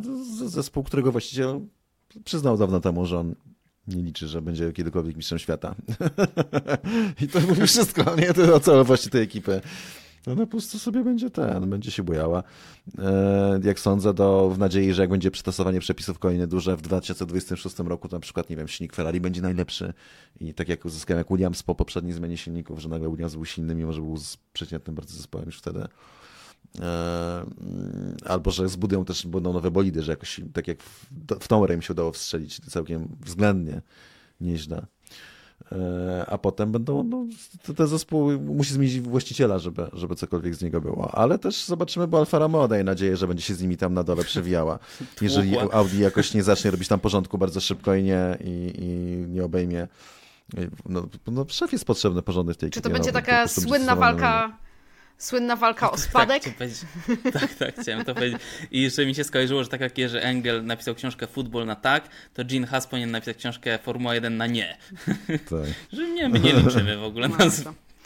No słuchajcie, no i ze statystyk tak naprawdę też e, niewiele ciekawych rzeczy, może poza świetnymi kwalifikacjami do Grand Prix Singapuru, gdzie obaj kierowcy startowali z pierwszej dziesiątki. Łącznie w tej pierwszej dziesiątce byli 8 razy, więc e, przyzwoicie. Spora dysproporcja, jednak o wiele lepszy kwalifikacyjnie Hulkenberg. No i oczywiście, jeżeli chodzi o Mamonę, mój ulubiony temat, dzisiaj Kevin Magnussen, już parę razy to podkreśliłam, najdroższym kierowcą na gridzie.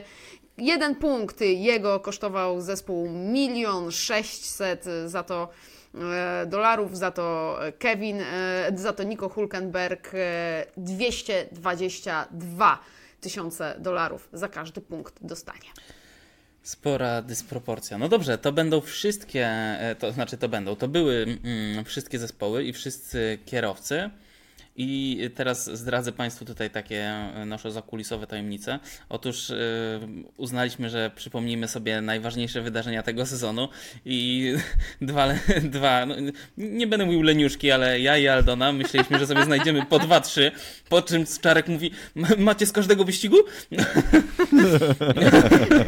Wiesz, teraz będzie... Teraz będzie recap sezonu by Cezary Gutowski, który tak, nasz wynotował Stachanowiec. sobie. Tak. 22 momenty sezonu. Tak, więc Fest. tak, chciałem w sumie powiedzieć były 23 początku, rundy, więc y, a ty prawie poleciałeś na Imole, więc chciałam powiedzieć, że to 23.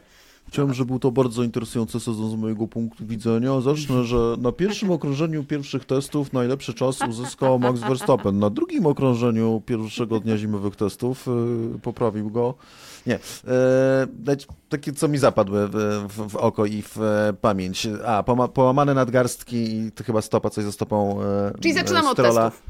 Strola przed, no i pierwsze wyścigi. Strola przed tym, przed y, pierwszym wyścigiem i to, że mimo tego w tym wyścigu wystartował w Bahrajnie. To, co zwróciłem uwagę, to to, że Verstappen w pierwszym wyścigu, w którym no, zdominował go Red Bull, tak? E, jechał strategię soft, soft, hard, czyli kiedy nie trzeba było założyć dwa razy miękkich opon, to oni mimo tego założyli na stint miękkie opony na torze, który bardzo zużywa e, opony, jakim jest Bahrain i ja wtedy sobie notowałem, pamiętam, że o, o, we're in trouble, nie? Jeżeli coś takiego sobie pozwolili, to znaczy, że że mogą, tak, że, że, że faktycznie przewaga jest duża. Mercedes był dopiero czwartym najszybszym bolidem, i to pokazuje, że jednak zrobili postęp duży podczas tego sezonu, coś o czym e, zapomnieliśmy. No i oczywiście świetny początek i potem seria podium Fernando Alonso i Astona Martina. Była afera o to, że e, tak jak wcześniej, no wtedy się nazywało chyba Racing Point, jak zrobili różowego Mercedesa, czyli kopię Mercedesa, przy dużej pomocy Mercedesa z tego, co mówiły jakby złośliwe osoby, pl- plotki, Ptaszki na mieście. to teraz się śmiano, że zrobili zielonego Red Bulla. Co było ciekawe, bo używają, y, pokazali, że używając dużo części od Mercedesa, typu skrzynia biegów, obudowa skrzyni biegów, tylne zawieszenie, e, że można z, z koncepcją Red Bulla zrobić szybki bolid, mówiąc w skrócie. A to jeszcze przypominamy, że jeden z tak poprzednio jeden z kluczowych pracowników Red Bulla teraz już zasiadał i kilku jego ludzi w Astonie Martinie i ten bolid był przypadkiem bardzo podobny do Red Bulla. To, to ja się wetnę, to ja się wetnę. Ja zapamiętam jeszcze na zdrówko Aldona. E, a, wyciszyła się, kurde, kichnęła jak coś. E, wetnę się tylko, że Red Bull był jedynym zespołem, który na renderach nie pokazał tak naprawdę prawdziwego bolidu, tylko jakąś tam pomala, pomalowaną e, wersję, coś takiego, coś. E, I potem e, obskakiwany bolid e, na pierwszych testach, wszędzie zdjęcia, zachwyty, co tu się dzieje na tym bolidzie. No kurczę, no masz rację, to przy krawędziach podłogi w ogóle, przy, przy sekcjach bocznych, kurczę, no po prostu wow. Zresztą sztuki. potem zobaczyliśmy, to przy Monaco będzie, tak, Latują, latające bolidy. Arabia Saudyjska, Max Verstappen drugi po starcie z 15 pola. Red Bull pozwolił wygrać Można. Perezowi. Perez się napędzał, tak, że tutaj było, e, e, że, że jednak Red Bull, nie było, było tak się zastanawiali wszyscy, czy zamienią, bo kolejność czy nie zamienili, e, bo a Max miał awarię półosi w Q2 i dlatego nie, startował z 15 pola. Red Bull, a była awantura o punkt za jedno okrążenie, kiedy Perez y, urażony, że coś tam przekombinowali i sprawili, że Max zrobił sobie okrążenie najszybsze, a, a Perez nie zrobił tego najszybszego okrążenia. E, No i zamieszanie z karą dla Alonso, bo Alonso dostał karę za to, że mechanik, że dostał karę 5 sekund za to, że miał źle ustawiony samochód na boksie startowym, coś co miał wcześniej karę też Okon, chyba w Bahrajnie, że zastrzono przepisy i po prostu wystawali poza ten bok startowy. E, I podczas odsługiwania kary tych 5 sekund przed stopem mechanik już dotknął tylnym podnośnikiem e, samochodu, bolidu. I za to FIA dała karę e, czasową, przez co Alonso spadł z podium, a potem się okazało, że musieli cofnąć tę karę, bo Aston wy- wykazał, że były pre- 7 precedensów, pokazał, kiedy dotykany i, i generalnie zespoły miały między sobą ustalone, że dotykanie podnośnikiem bolidu przed pit stopem podczas tej kary 5 sekund nie jest uznawane za ten, za przewinienie. Nie wiem, czy pamiętacie, pamię, pamię, Tak, tak, tak. takie? Teraz przy, przypomniałeś mi tak. Mhm. Tak, Australia to były te e, restarty, szczególnie ten restart pod dzwonię Magnusena, kiedy Sainz obrócił Alonso i mówił, że nie, po, powiedzcie sędziom, żeby mnie przesłuchali i tak dalej. I była jakaś dyskusja, tak, czy on zasłużył, czy nie, czy to była bardzo oczywista, w ogóle bez cienia wątpliwości, nie do obrony w ogóle, w pełni zasłużył na karę. E, Sargent e, staranował De Vriesa, biedny De Vries, tak jakby miał za mało problemów. I Gasly Ocon się zderzyli, to co mówiłeś, Max.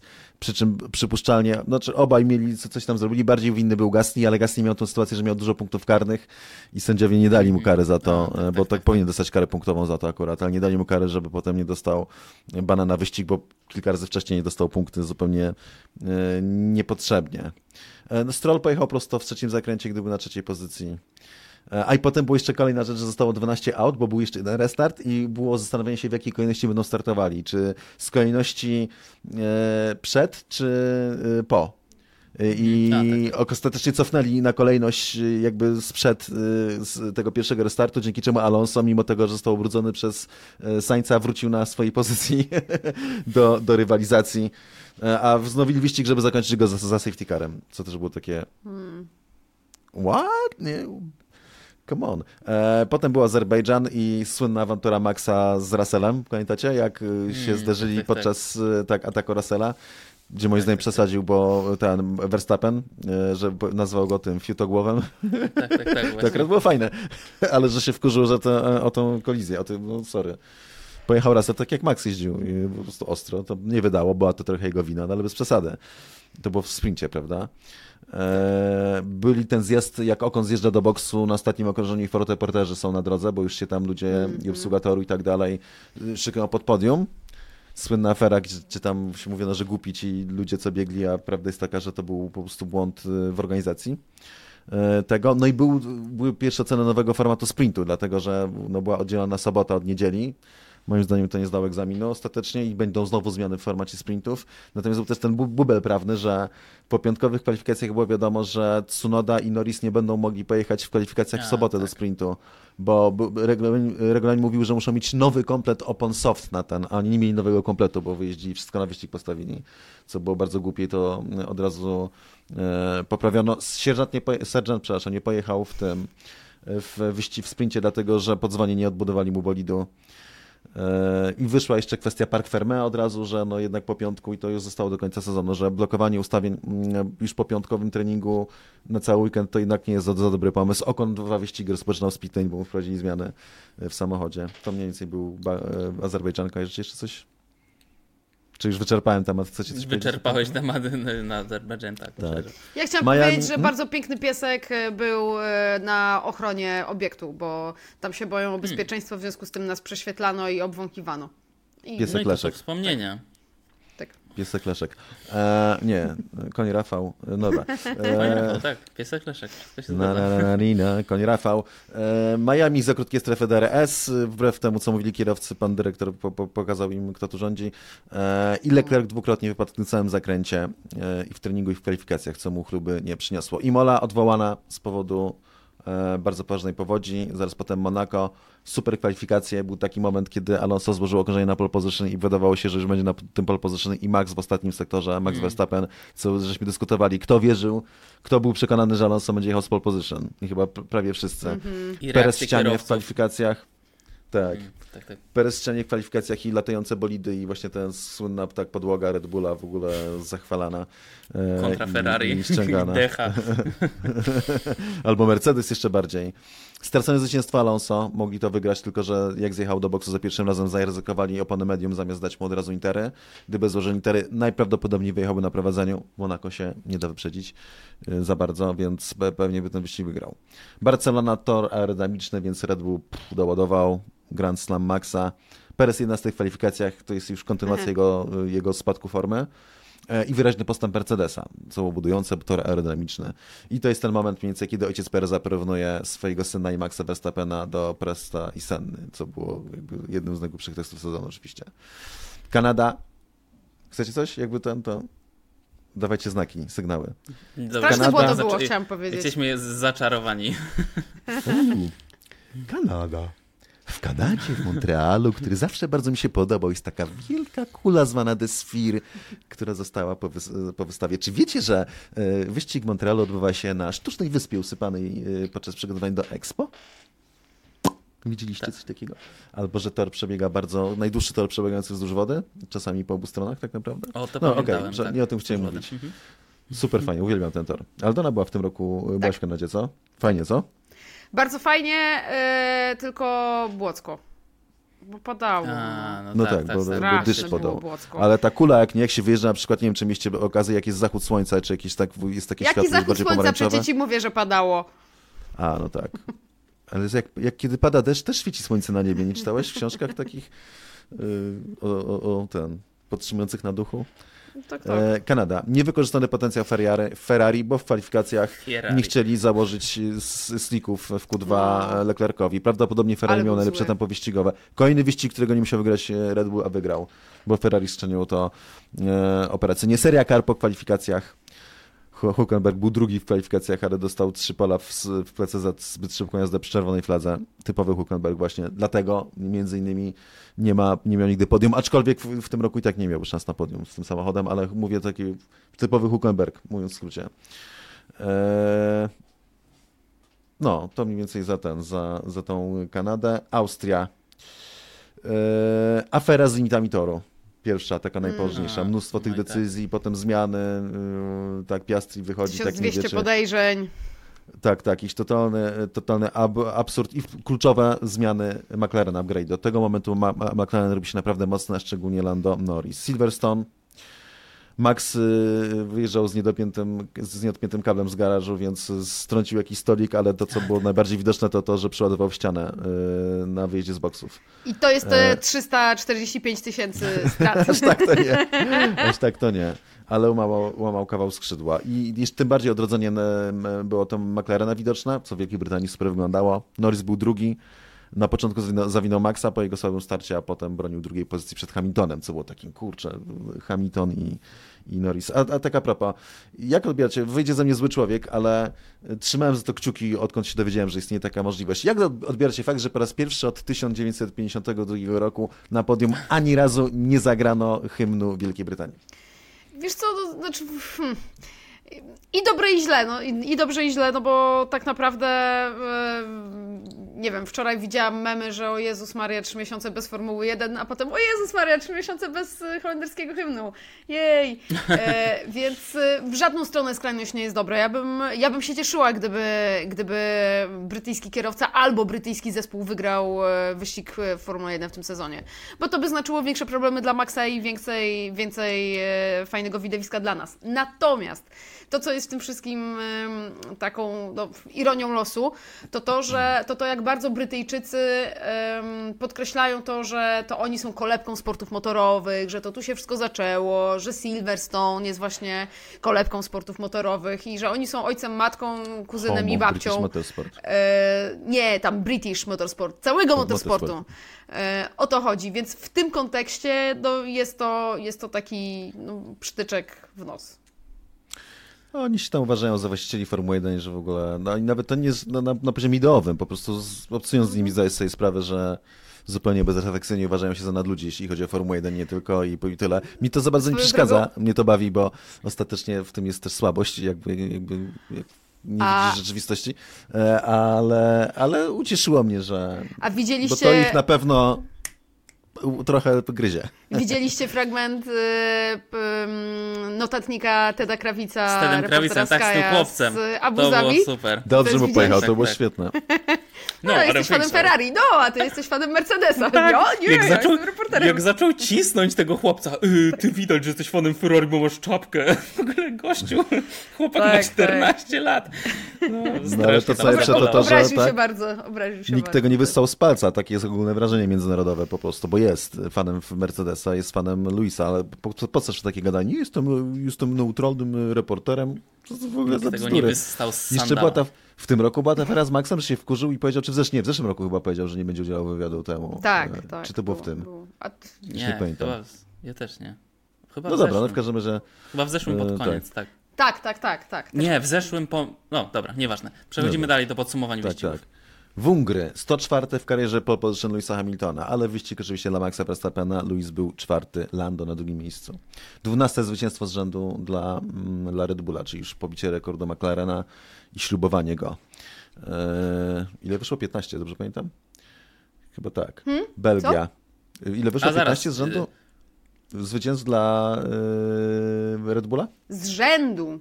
No tak, A tak, że był rekord, świeka. pobity rekord McLarena, bo to był 12, Belgia 13, Holandia 14, Mazda 15, a w Singapurze wygrał tak. Mhm. Tak jest. Mhm. Moment, Tak. jeszcze Węgry to zniszczona waza za ileś tam 10 A, tysięcy euro. tak, Tak? tak, super, że przypomniałeś, dokładnie. Lando Norris, y, Vandal y, z zazdrości rozwala wazę y, Maxa Verstappena. Ale i tam przede wszystkim tajemnica wazy, nie, że która y, kosztowała nie chcę, może nie jestem spe, specjalistą od porcelany, ale Stać by was było na bilet w waza. Sky Villa, przynajmniej jeden na taras. Byście mogli wejść. ogóle, no, ale chętnie bym takie e, robił wazy. To się przypomina zawsze świat sztuki, że teraz to tak działa, że po prostu jak to teraz. No wiadomo, że są jakieś dzieła, arcydzieła ponadczasowe i tak dalej, ale z grubsza e, ludzie, którzy siedzą w tym mówią, że po prostu, że się tam ustala, że powiedzmy to będzie teraz, że o, ten cień, świ- światłocień przy tej kresce e, na tej akwareli e, po prostu i tak dalej. A na, a na przykład wiecie, kojarzycie tego aktora Sefa Rogena? Tego, taki robi śmieszne filmy. No wiecie, który. Tak. Czarek, wiesz? On z Jamesem Franco dużo robił tych filmów. Mhm. 40-letni y, praw... Nie, teraz nie wiem, czy nie czegoś nie pomyliłem. Takie ma Nie, trochę to- kręcone włosy no to i okulary, odrobinę, odrobinę utyty. A, ten komediowy aktor. Tak. Tak, tak, wiem, bardzo go lubię. On jest e, No. e, fajny. On i jak się zaczęła Zaki i pandemia- Mira kręcą porno, taki film między innymi. Tak, tak, tak, tak, tak. Albo tak. jak w Hollywood byli w domu Jamesa Franco i ten szatan opanował świat. Tak. Tak, był tak. Tam super Ryana film. grała. Film, tak, tak, zabawny, dużo tak. osób tam grało, tak. Tak, E, em, w każdym razie, jak zaczęła się pandemia, on zaczął lepić wazy w domu i teraz podejrzewam, że mógłby nie być aktorem, tylko sprzedawać te wazy. Sprzedaje je za bardzo fajne pieniądze, bardzo ładne robi te wazy zresztą. Polecam jego Instagram, to są tylko wazy. Obecnie są też filmiki, jak je lepi i ma w Jezus ustach to, co Maria. jest nielegalne tutaj, a legalne w Kalifornii i taka jest waza i to jest no dobra, E, więc e, A Belgia. Franco, powiem ci, że zacząłem naprawdę szanować e, ba bardzo, bo to Max mi zwrócił uwagę na kilka filmów, na Franco jak zagrał w, w tym e, The Room, tak? W sensie, że to... Disaster Artist. tak, Disaster tak. Artist. Widziałem ten, Ma- Ma- Max mi powiedział, oglądałem w samolocie ten film. Ja, bo film The Room też wcześniej oglądałem, czyli teoretycznie najgorszy film w historii Hollywood i muszę powiedzieć, że super zagrał Franco w tym No filmie. niesamowicie, tak, jest świetny. Co prawda E, go skancelowali, ale Ech, chrzanić ich. Węgry. E, Stanąłeś na Węgrzech. Nie, Belgia. No Belgia. to jest Belgia. Sobota, Piastri wyszedł na prowadzenie. Była ta sytuacja, że trzeba było startować wyścigi na fullwetach, a nikt nie chciał jechać na fullwetach, bo się do niczego nie nadają, więc nie mogli wszyscy zjeżdżać- zjeżdż- zjeżdżać naraz, więc pół stawki jechała dalej, a pół stawki zjechała y, na zmianę i przejechała te okrążenie, to drugie okrążenie, nie, pierwsze okrążenie, bo to było po, ten, po, no jako, na początku, tak. Tak, Druga tak, tak. pojechała, tak. I dzięki Tak. temu Piastri wyszedł na prowadzenie, ale oczywiście Max po zmianie na opony na Intery y, spokojnie sobie, sobie się przedarł. W niedzielę dominacja Maxa i mieliśmy kolizję Piastriego z Saincem w pierwszym zakręcie. To było dość interesujące, taka, że tutaj no Piastri trochę się pchał gdzie nie trzeba, między wódki a zakąskie, a z drugiej strony Sainz kierowca z takim doświadczeniem i to nie był chyba ostatni, na pewno nie pierwszy, nie był ostatni raz w tym sezonie, kiedy nagle chciał po prostu przez, co prawda tyłu jest tam, nie wiem, z 15 kierowców i nie umiedzie, ale co tam w ogóle, zetnę. No co, ja nie zetnę i zdarzył się e, z Piastrim. Holandia. No to Max oczywiście tam kolejne z rzędu od początku tego powrotu No ale w początek wyścigu wygrywa to Max. okrążenie formujące i nagle krople wody na Tak, e, tak, tak, kamerze tak. i to... Część kierowców tam z, z, miała nadzieję, że przetrwa na slikach, że to będzie Tak, tylko tak, przejściowe, a potem się okazało, że jednak trzeba było Magia jednak Alonso na samym było- tak. początku, jak tam sobie radził na tym mokrym torze. Aha, To jest aha. mój ulubiony moment sezonu osobiście, przepraszam, tak się uruchomiłem. Ale tak, tak, No ten, ten początek, e, ten początek i to, że e, ko komentator nie nadążał z komentowaniem tego, co się dzieje, więc po prostu patrzyłem na te kwadraciki, które się przesuwają. To, super, super. no. To było super, E, to prawda. proszę. Tak. I na koniec jeszcze znów ulewa, przerwany wyścig i lotny start. Monza, czyli Carlos, bohaterem Tifozy, kiedy no, z- Leclerc zawodzi, bo te zmiany, zmiany ustawni bolidu e, i to Sainz wyciąga, to było super, byliśmy na Monzie, prawda? Ty też byłaś, Aldona, przecież na Monzie. Mam kubeczek z pamiętam, mocy. Właśnie. O, patrzcie, Na dowód, jaka. na potwierdzenie moich słów, kubeczek. A może kupiłaś na Aliegrze? No nieważne. E, Nie no, nie, byliśmy... nie. E, mieliśmy też super spot- spotkanie przecież z naszymi czytelnikami, widzami, za, za które dziękujemy zawsze. A, to potężne takie, tak? To takie, gdzie po prostu To było na Węgrzech, ale e, Nie, na, na, Węgrzech też. było takie, że żeśmy zrobili prawie A. nielegalne zgromadzenie. Nie? Tam mogliśmy zebrać mały batalion i już wejść, w te, wkroczyć na tor i zdobyć podium i zadeklarować zwycięstwo polskiego kierowcy. Zrobić protest klimatyczny byście mogli. No dobra. Next year umawiamy się na protest klimatyczny. Cezary Chcemy Gutowski, mniej dwutlenku węgla. Chcemy mniej dwutlenku. Przyjedzie Priusem na tor. No dobra, tak. nie, nie, to by było. Wolałbym nie. E, więc ta energia była super, e, była, była wspaniała, natomiast e, potem Max Verstappen wygrał dziesiąte, e, dziesiąty wyścig z rzędu w niedzielę i tak pobił rekord wcześniej Sebastiana Fettela. E, Perez był drugi na mecie.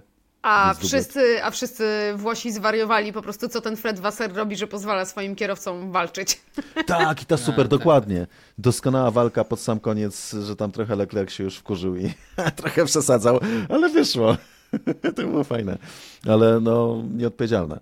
Ale ten, no moim zdaniem, ostate, ostatecznie i tak patrząc na ostateczny rozachunek dobrze zrobił Leclerc to, i to za, też mi tym zaimponował, to wyszło bardzo fajnie. Ale Carlos Sainz oczywiście trzecie miejsce, bo to była walka o trzecie miejsce, tak, jakby się zdarzyli, Tak. to nie byłoby podium dla Ferrari, to była po prostu grande, naj, najgrandniejsza katastrofa, jaką mogłoby się zdarzyć w momencie, kiedy Ferrari już zbiera cięgi i tak naprawdę już totalnie się po nim leci znowu, bo po prostu nie mogą nic zrobić. Ferrari ma jeszcze na tym etapie duże problemy, chociaż oni to opanowali w pewnym momencie do pewnego stopnia, ze zużyciem opon zbyt dużym. E, I Ferrari wiadomo, że będzie może być szybkie na torach start-stop, ale tam, gdzie są szybkie łuki, to zawsze będzie ciężko. No i Singapur, czyli tor, na którym nie ma szybkich łuków. Jedyna wpadka Red Bulla.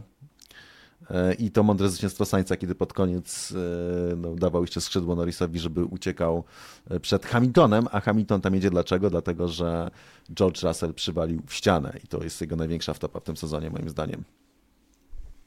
Taki, to, to był to moment do zapamiętania. I potem mamy sugestie znowu e, Hamiltona i Wolfa trochę, że Red Bull mógł zwolnić dlatego, że e, wprowadzili te tak, tak. dyrektywy nowe co do sztywności skrzydeł i krawędzi podłogi.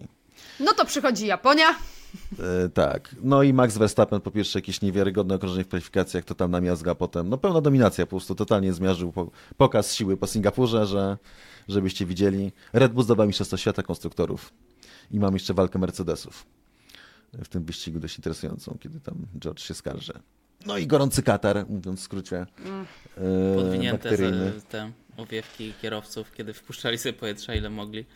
Tak, kiedy Okon zwymiotował do kasku, a Albon tłumaczył, że chodzi o to, że jest tyle wody już między skórą a kombinezonem, że po prostu nie, nie ma Nie, perspiracji. że tak? nie będzie się musiał myć. Tak. Tak. Logan Sargent nie, dojechał, nie dojechał do mety, nie był w stanie. E, Lance Stroll, Tak, tak, tak, e, tak. słaniający się na Kierowcy nogach, e, tak rzucający tak, w się na, na drzwi karetki. Mm, Dużo tego było. Tak, tak. Albon też wylądował chyba w tym. Dlatego ja Natomiast- zgłupiałam, bo jak George Russell przyszedł, przyszedł do nas rozmawiać do zagrody, to przyszedł w bluzie z długim rękawem i tak po prostu nie wiedziałam, aż, aż spojrzałam na niego i zapomniałam o tym wyścigu, tylko spytam, jak to, ty w bluzie jesteś? A to dlatego, że przyszedł prosto z wanny z lodem.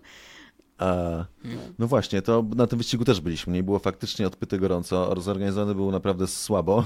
Ciężko było tam się no, ogarnąć Czy to na był ten początku. wyścig, czy to był Ale ten no wyścig, wypadał bardzo były dwa ładny. ustawienia, dwa ustawienia klimatyzacji, że włączona i wyłączona? Tak. Tak, tak, tak, tak. To był ten wyścig, w którym spróbowałem je wielbłąda zresztą Tak. e, i smakował trochę No jak nie, wołowe z nie tego. mówiłeś o tym. Jak, nie mówiłem. E, Wyciąłem Spójrz, z mojej pamięci. spójrz na minę Maxa, już nie mów. e, nie, drugi raz Ej, może, jadł. może... ej, a wiesz co, może ty powiedziałeś na przykład, że spróbowałeś wielbłąda i ja w swojej naiwności pomyślałem tak jak teraz powiedziałeś, że po prostu się na nim przejechałeś. Bo teraz jak to zacząłeś mówić, mówię, o, jechałeś wielbłądem, kiedy miałeś na to czas. Na wielbłądzie O, ma- jechałem w Dubaju, kiedyś jeszcze pod Dubajem, w Afryce. Na słynnym wielbłądzie. E, był bardzo niespokojny, bardzo ten, brutalny. To, co jedno z najciekawszych wydarzeń. Pękające opony Pirelli. E, tak, czyli taki nawet pytanie, czy to powinno jechać, to nie, czy to nie powinno jechać i zarządzanie, że będą obowiązkowe pit stopy. I nie, nie, nie poprzez takie słowo, że musi zjechać na pit stop, tylko że nie mogą opony przyjechać dłużej niż. I to zmieniło też obraz rywalizacji, bo nagle pokazało, jak kierowcy by jeździli, gdy mieli lepsze opony. Czyli oni nie, nie jeździli na deltę na, na przetrwanie opon, tylko wiedzieli, że mają, no, że te opony wytrzymają po prostu mocną jazdę i na ten cały on top of that, że było bardzo gorąco i że mieli duże problemy z powodu zbyt dużego opału to i wilgotności powietrza, to jeszcze na koniec musieli zap- zapieprzać za przeproszeniem, dlatego że nie było, był to jedyny wyścig chyba w tym sezonie taki od lat, w którym nie trzeba było jechać wolniej, żeby dojechać szybciej do mety, tylko trzeba jechać szybciej, żeby dojechać szybciej do mety, tak jak się kiedyś ścigano. E, No i Lewis Hamilton wjechał w e, George'a Russella na starcie, to było też bardzo ciekawe e, i dużo dyskusji, tak, że zawsze gdzie się osoby krzyczał, dowodzące, tak, że to była wina Russella, że kolega, z- znaczy krzyczał i dostał karę za to, że tor prze, przecinał, nie pamiętam ile to było, pół miliona? Nie, to, bo też na tym Nie, etapie... to było czter- o- o- 40 tysięcy chyba dostał. e, tak, ale na tym etapie ogłoszono, że to- kierowcy mają, ma, mają mieć karę pół miliona chyba, tak, jeśli dobrze pamiętam nawet. E, I sobota, nawet. Piastri. Teraz tak, teraz już banieczka. A, do miliona, tak. A, do banieczka, tak. I Piastri z pole position jechał sprint i wygrał, co bardzo zdołowało Norrisa. Że Norris tyle lat w Formule 1 nic nie wygrał, a tutaj Piastri y, wygrał, wygrał wyścig. Stany Zjednoczone to był bardzo mocny Mercedes. To to mówił, że byli najszybsi, ignorując fakt, że, y, Że Max byli. startował z szóstego pola y, i miał problemy z hamulcami i mimo tego wygrał. E, Natomiast była dyskwalifikacja, tak, dwie. Była ta cała afera, że e, były zbyt mocno ściągające się deski i Leclerc został zbadany najpierw bolidy Leclerca i miał być tylko dwa badane, Leclerca i Hamiltona, bo podejrzewali, że będą zbyt mocno starte i były. E, Przepraszam, i przepraszam, Potem, czy, tylko, czy tylko ja widziałem, jak Cezary zrobił kciuka, że pojawił się taki bąbelek z kciukiem u ciebie na ekranie? O, patrzcie! Widzicie to? Nie. nie. Jak robię tak, przepraszam, to jest ci, co nas nie słuchają, robię kciuk i u mnie się pojawia grafika kciuka teraz obok mnie. Naprawdę, nie widzicie tego, ale jak Czarek, nie zrób Czarek kciuka. Pokaż kciuka. No pokazuje. No, czekaj. Ale był No dobra, u ciebie, przysięgam. Co za Dobra, dziwna wstawka. dobra, no. dobra, dobra, dobra. Bąbelek, no, no, no. E, że była cała dyskusja, czy nie powinno się wszystkich podług z- zbadać, natomiast sędziowie po prostu podejrzewali, zbadali w, u Hamiltona i Leclerca i obaj dostali desku. E, A potem jeszcze wzięli samochód Norrisa i Verstappena, żeby, bo uważali, że się mieszczą i wyszło, że ten, że, że się mieszczą, więc była cała ta afera, przepraszam, z podłogami.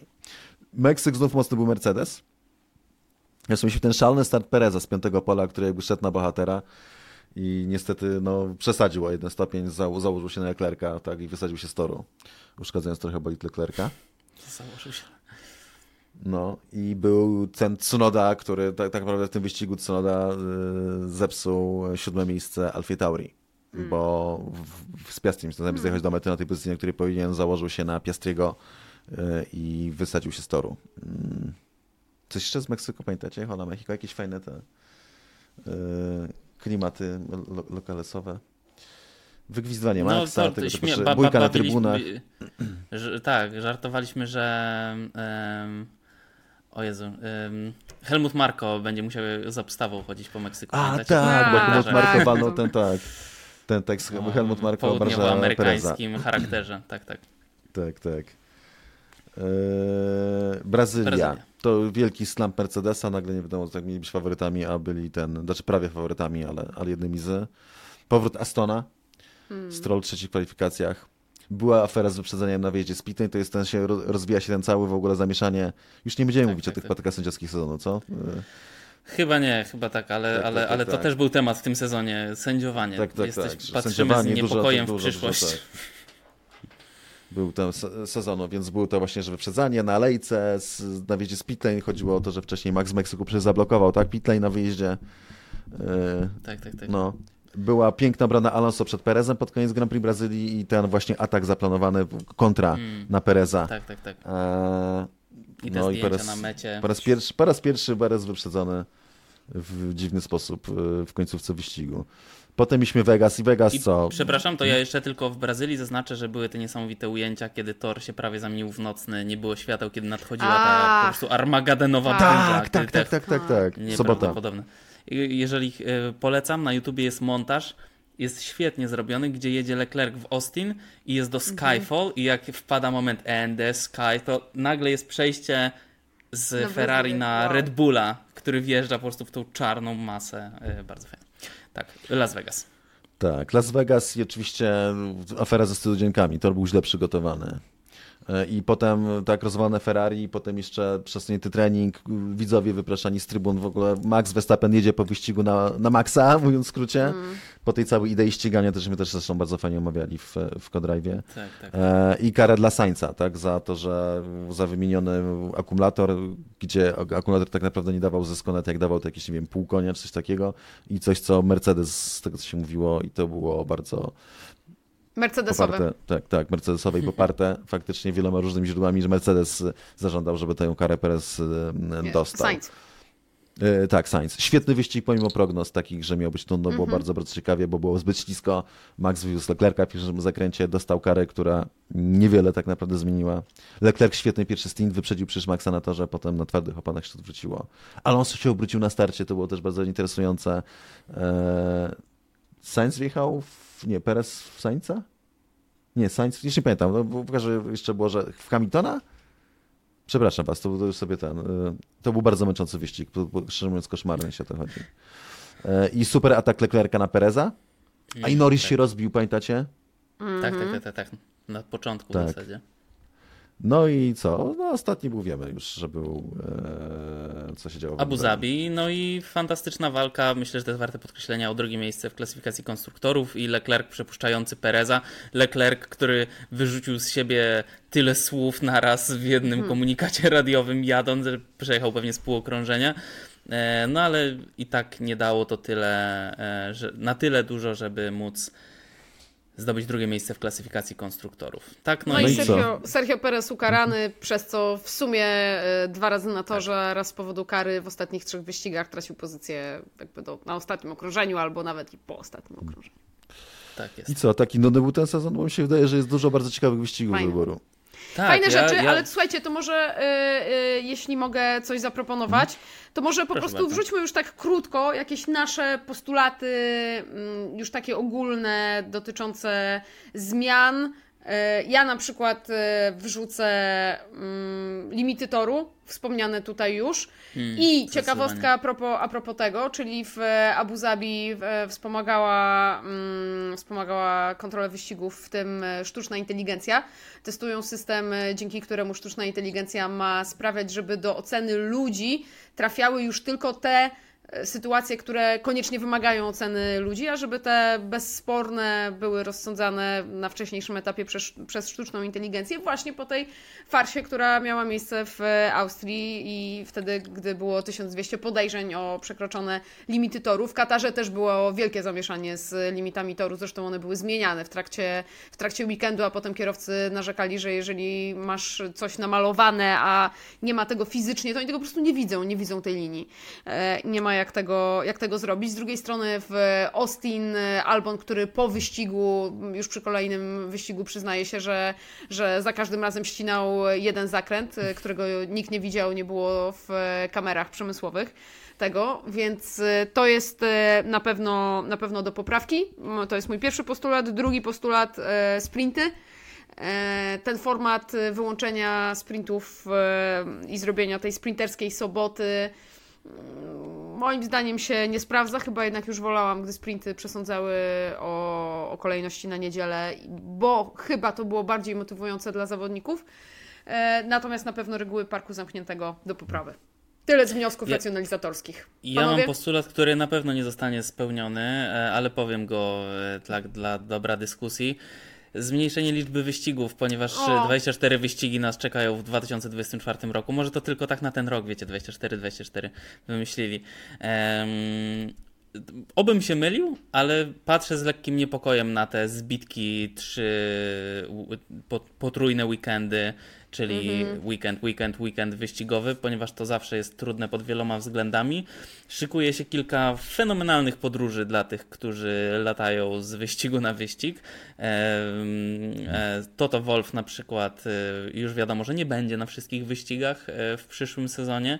Nie wiem na ile, sezon, na ile wyścigów wy się wybierzecie, ale życzę wam, żeby to nie były takie katorżnicze podróże, jak, jakie, jakich jakie czekają kierowców. O, to chciałem powiedzieć. To jest mój no, postulat myślę, niespełnialny. Ale... Dużo, ale no, nie wiem, łeki, chciałem zrobić minimum cztery łeki, które będą priorytetem. Zobaczymy, czy się uda złożyć budżet na to. Eee, znaczy, albo i pięć tak naprawdę, ale, ale mam nadzieję, że na cztery się uda i LMS chciałem zrobić z, ze dwa tak naprawdę byłoby super zrobić, bo to jest super fajne ściganie. Eee, I... Twoje Cezary postulaty pewnie dotyczą... A, tak. moje postulaty? Dotyczą pewnie sędziowania, ale y, sytuacji torowych, co?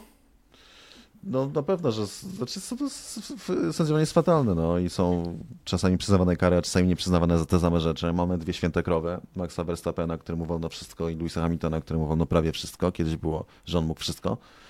E, I no brak odpowiedzialności, dużo głupich decyzji takich zupełnie niepotrzebnych i też nie fair. E, tak więc jednemu coś, jednych karzą, innych, innym darują te same sytuacje albo gorsze. Więc to jest bardzo słabe. Natomiast Fernando Alonso, bo tematem końcówki sezonu było te kwestie, że ustawił limit czasu minimalny dla bezpieczeństwa. E, pan dyrektor wyścigów i on podnosił te czasy minimalne, kierowcy nie mieli się gdzie przepuszczać, więc były afery i mhm. fajnie to podsumował Alonso, że to kiedyś kwalifikacje to była najlepsza sesja sezonu, że bolidy ożywały, bo były jechały najszybciej jak się dało, a teraz to jest jeden wielki stres i jeden wielki problem. Nie wiadomo kto, który, jakieś kary, nie kary, limity, nie limity, e, te właśnie czasy minimalne, brak czasu wpuszczanie, to jakiś totalny koszmar dla wszystkich, więc no, totalne skrzanie, a ja też uwielbiam zawsze kwalifikacje, to była super sesja. Na czystą prędkość. No dobrze. E, no dobrze, raz jeszcze. E, czekają nas jeszcze dwie rzeczy. Po pierwsze, rozwiązanie konkursu na najlepszego wróża i wróżkę tego sezonu. E, przyjąłem, po pierwsze, przyjąłem punktację, jeżeli ktoś zgadł kierowcę i jego miejsce, czyli jeżeli było podium Verstappen, Perez, Leclerc i ktoś powiedział Verstappen, Perez, Leclerc, to za każdego kierowcę miał trzy punkty. Jeżeli wskazało się kierowcę, który był na podium, ale na innym miejscu niż wskazane przez nas, był jeden punkt. I teraz, jak Lewis Hamilton powiem, wyniki punktowe są takie, że jak za 10 lat napiszę książkę, to tam powiem, ile było punktów. Podjąłem taką decyzję. Najlepszym wróżowróżką sezonu 2023 podcastu Codrive zostaje Aldona Marciniak Wielkie brawa. Brawo. Trzy punkty. Pa, pani z telewizji. Tak jest. Drugie Tego się miejsce. nie spodziewałam. Drugie, drugie miejsce. Chciałam ale wam między drugim bardzo i podziękować. to wielka chwila w moim życiu, naprawdę. E, wy, wygrałaś, naprawdę, wygrałaś ten sezon. E, drugie i trzecie miejsce dzieliła bardzo niewielka ilość punktów, natomiast drugie miejsce zajmuje Cezary Gutowski, e, którego zniszczyły niestety zaskakująco duża ilość e, prognoz, że nie wygra jednak Max Verstappen. Myślenie życzeniowe też się nazywa. tak, tak.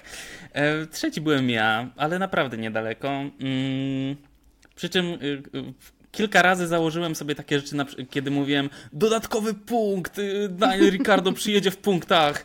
E, no i nie zgadywałem, więc za to sobie odejmowałem punkty.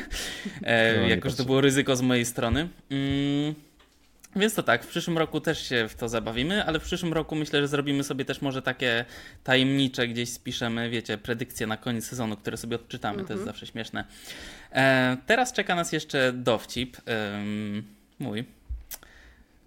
Wydaje mi się, że on jest całkiem znany, więc może Państwo słyszeli, e, ale proszę bardzo. Nie mówiłeś już dwóch dowcipów, Max? Nie, to ty zacząłeś Mówiłem. od dowcipu. No dobra. Mówiłem, a, a powiedziałem, że ten? Myślę, że ostatnio pamiętam, że mówiłeś e, o tej krowie, co siedzi na drzewie. Jej wiśnie. Nie, potem mówiłem, je, to, był, to był pierwszy, potem było o Panu Marku e, i potem zatoczyliśmy kolejne koło. No dobra, robimy. Cezary robimy. po prostu też chce opowiedzieć dowcip, Maksiu, no. A. Więc teraz będą dwa dowcipy. Dobrze, to będą dwa dowcipy. Ja zacznę. Pływają sobie dwa wieloryby i jeden wieloryb mówi...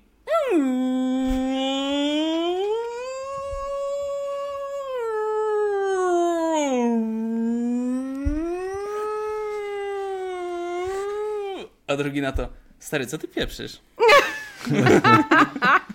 Okej. Dziękuję Państwu bardzo. E, Dobrze, Czarku, Och. powiedz. Powiedz. Masz dowcip? Na podorędziu? Mam.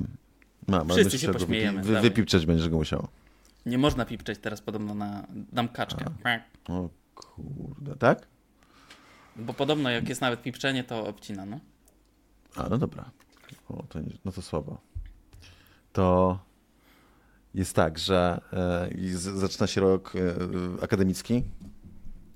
No i jest student, który tak, no chce po prostu jakoś, no może warto by było jakoś się wziąć za te studia i postudiować od początku, no ale go wewnętrznie mówi, co ty w ogóle ro- robisz, stary, przecież żyje się, tak? Studia są po to, żeby się bawić i jeszcze cały, cały semestr, żeby się uczyć, w ogóle zdążysz, zaczniesz miesiąc przed e, sesją i spokojnie dasz radę w ogóle idź tango. No i dobra, poszedł w tango. No i tam miesiąc do sesji, no to już tak się ten siada, no że pora się wziąć, a głos wewnętrzny mówi, a nie, nie przesadzaj, miesiąc to jeszcze jest całkiem sporo czasu. Tak, ju- jutro ta Jaćka ma urodziny, Jaćka to chyba nie jest imię w tej epoce. Jessica ma jutro urodziny, e, będzie fajna impreza, tam jeszcze ten, nie, nie, nie ma sensu, usiądziesz trzy dni przed tym, chodzisz na te, na, na wykłady, e, to dasz radę. No i dobra, te trzy dni już taka nerwowa sytuacja. Student z- zasiada znowu, a go wewnętrzny mówi, no słuchaj, no już trzy dni zostały, to wiele się nie nauczysz, ale przewertujesz sobie tylko e, notatki, bo notowałeś, byłeś na paru zajęciach, e, no, będziesz miał szczęście, tam już, co, co, co możesz tam zrobić wiele.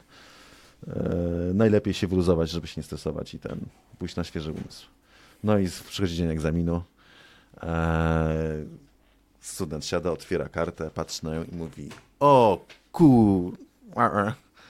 A głos zewnętrzny, ja pier... No śmieszne. To taki studencki dowcip, widzę Aldona, że ten, że się... Przepraszam. Aldona, Aldony to w ogóle nie bawi, bo się uczyła pół roku przed sesją i w ogóle to jest nieśmieszne. No, trochę tak. Trochę. Może był jakby zbyt długi, że konkluzja była za mało ten, tak? Bo wszyscy czekali, Nie. że coś się wydarzy wielkiego. A Nie, tutaj tak, że ten śmieszne, student śmieszne. Ale wiesz co, jakby grudzień idzie, więc e, zaraz e, sesja, jakieś kolokwia, więc z ukłonami dla wszystkich naszych słuchaczy, Tak, studentów. poza tym te- ten o wielorybach był tak genialny, że ciężko było wypaść lepiej po prostu. Tak, tak. Ja E, Państwa bardzo przepraszam, no tak się przedstawili koledzy, no. Ładnie się Państwo Ładnie się przedstawiliście, wiecie? tak. E, No dobrze, zbliżamy się do drugiej godziny. To był chyba nasz najdłuższy podcast w historii podcastów Codrive. Mm, Z tego miejsca chciałem w imieniu nas wszystkich, ale jeżeli będziecie kochani chcieli jeszcze coś powiedzieć, to zapraszam. Chciałem podziękować wszystkim naszym widzom i widzkom, słuchaczom i słuchaczkom, e, wszystkim kotom, psom, które też nas słuchały. Em, bo zalała nas naprawdę bardzo miła fala e, podsumowań Spotify. To, to, to było naprawdę szalenie miłe, e, gdzie byliśmy bardzo często pierwsi, a jak nie pierwsi, to i tak fajnie, jak w pierwszej piątce. Mm, Bardzo nam miło, cieszymy się, że byliście z nami, że komentowaliście. Napiszcie może, a może na przykład, co Wam się najbardziej podobało w sezonie Codrive? Może coś zapamiętaliście, nie będę nic podpowiadał, może jest coś takiego. Zdradzę już teraz, że zobaczymy się y, na kolejnym wspólnym Codrive'ie świątecznym. A, Tak, bo jest taki, jest taki plan, żeby, żeby zawsze je robiliśmy, już w zeszłym roku zrobiliśmy też we trójkę. Mhm. To się Tak nazywał wtedy Pato Stream, teraz, e, teraz e, to nie może się tak nazywać. W ten sposób spotkamy się w Kodrewie i plan jest taki, żeby jednak, po- ponieważ no, bardzo fajnie nam się ten, program rozwinął, bo, bo i to wy o tym decydujecie. Reakcje naszych słuchaczy i widzów e, e, i co strasznie nas cieszy i uważam, że to jest najfajniejszy projekt w tym roku, jaki z mojej strony w ogóle jaki się dział. I Z ogromną przyjemnością raz, że nagrywałem, za co wam dziękuję. Maxowi niezawodnemu za to, że był zawsze, kurczę, pod parą i, i, i Aldonie za, za to, że też zawsze była pod parą tak naprawdę. Eee, Boże, dlaczego już się zapędziłem? Że Dziękuję będzie ludziom. wigilijny, będzie wigilijny. Tak, tak, będzie tak, po prostu będzie, będzie spotkanie wigilijne i e, planujemy się spotykać na minimum raz, a pewnie dwa razy w miesiącu i w styczniu i potem w lutym, tak żeby, żeby Tak. już nie robić tej takiej przerwy, tak jak do- dotychczas na cały sezon, tylko żebyśmy byli w Wyścigów nie będzie, a. Codrive będzie. Tak jest. Tak, tak. I przy okazji jeszcze pragnę, bo to, to bardzo poza, że, że Wam bardzo dziękuję, kochani moi y, Maxie i, i Aldono. To dziękuję też naszemu partnerowi sklepową.com. To był, to był ważny krok y, dla, w historii naszego podcastu wzmacniającego nas. Y, I mamy nadzieję, że będziemy dalej mieć tak fajnego partnera. Ale to się zobaczymy w przyszłym roku. Tak czy inaczej. Dziękujemy bardzo za to. E, wszyscy. Bardzo dziękujemy. Teraz Aldona, teraz Ty musisz przybić. E, Tak, tak, musisz to e, ja, przebić jeszcze. ja właśnie zmieniłam, zmieniłam opony, także, e, także jeżeli zrobiłam to bardzo późno, więc e, jeżeli ktoś jeszcze tego nie ogarnął, to do sklepu opon.com zapraszamy. Ja mam swój typ na mój ulubiony moment Codrive'u tegorocznego. Być może Wam już o tym mówiłam, ale to było jedno z naszych spotkań w studiu, gdy Cezary, jako że ma bardzo szeroką wiedzę z zakresu filmografii i tak dalej, chciał zabłysnąć e, e, porównaniem i mówi, no był caty, taki cytat w Parku Jurajskim, na co Max i do tej pory uważam to za, za no tak. Maksiu, to mi się przypomniało, jak wielbłąda naśladowałeś, wiesz? Dinozaury Dziękuję też bardzo. potrafisz. Też potrafisz. O, kotek. właśnie o to chciałam poprosić, bo ja mam wrażenie, że to jest taki ukryty e, bohater e, naszego podcastu. Tak, tak, I- uczestnik. Tak, uczestnik i, Oj, i Houstonek słuchacz. wygląda, Houstonek wygląda bardzo niekorzystnie. Czekajcie, jakoś tak go złapałem pod Taki odżywiony. Tak, tak, tak. Odżywiony. Przy czym to nie Jak jest będzie wojna, będzie, będzie rosół, będzie. Tak, Jezus wiecie, kto będzie Maria. miał jedzenie. E, natomiast Houstonek y, częściej jest kulturalny. Naska oczywiście tam sobie siedzi. O, nic się nie stało. Wszystko. Żaden kot nie ucierpiał Przy podczas nagrywania Codrive 47. Zde, E, zdemonetyzują nas znowu. Nie Dziękujemy bardzo, dziękujemy bardzo jeszcze raz Dziękujemy. y, za ten sezon. To była czysta przyjemność. Widzimy się już tak naprawdę niedługo. Życzymy Wam y, szerokiej drogi, bezpiecznej jazdy, fajnych Mikołajek i, i wielu spotkań jeszcze z nami. Dziękuję Wam, kochani. Ależ to Do był zobaczenia odcinek. drugiego dnia świąt. Pa. Do zobaczenia. Papa. Pa. Papa. Thank you. Thank you. Thank you.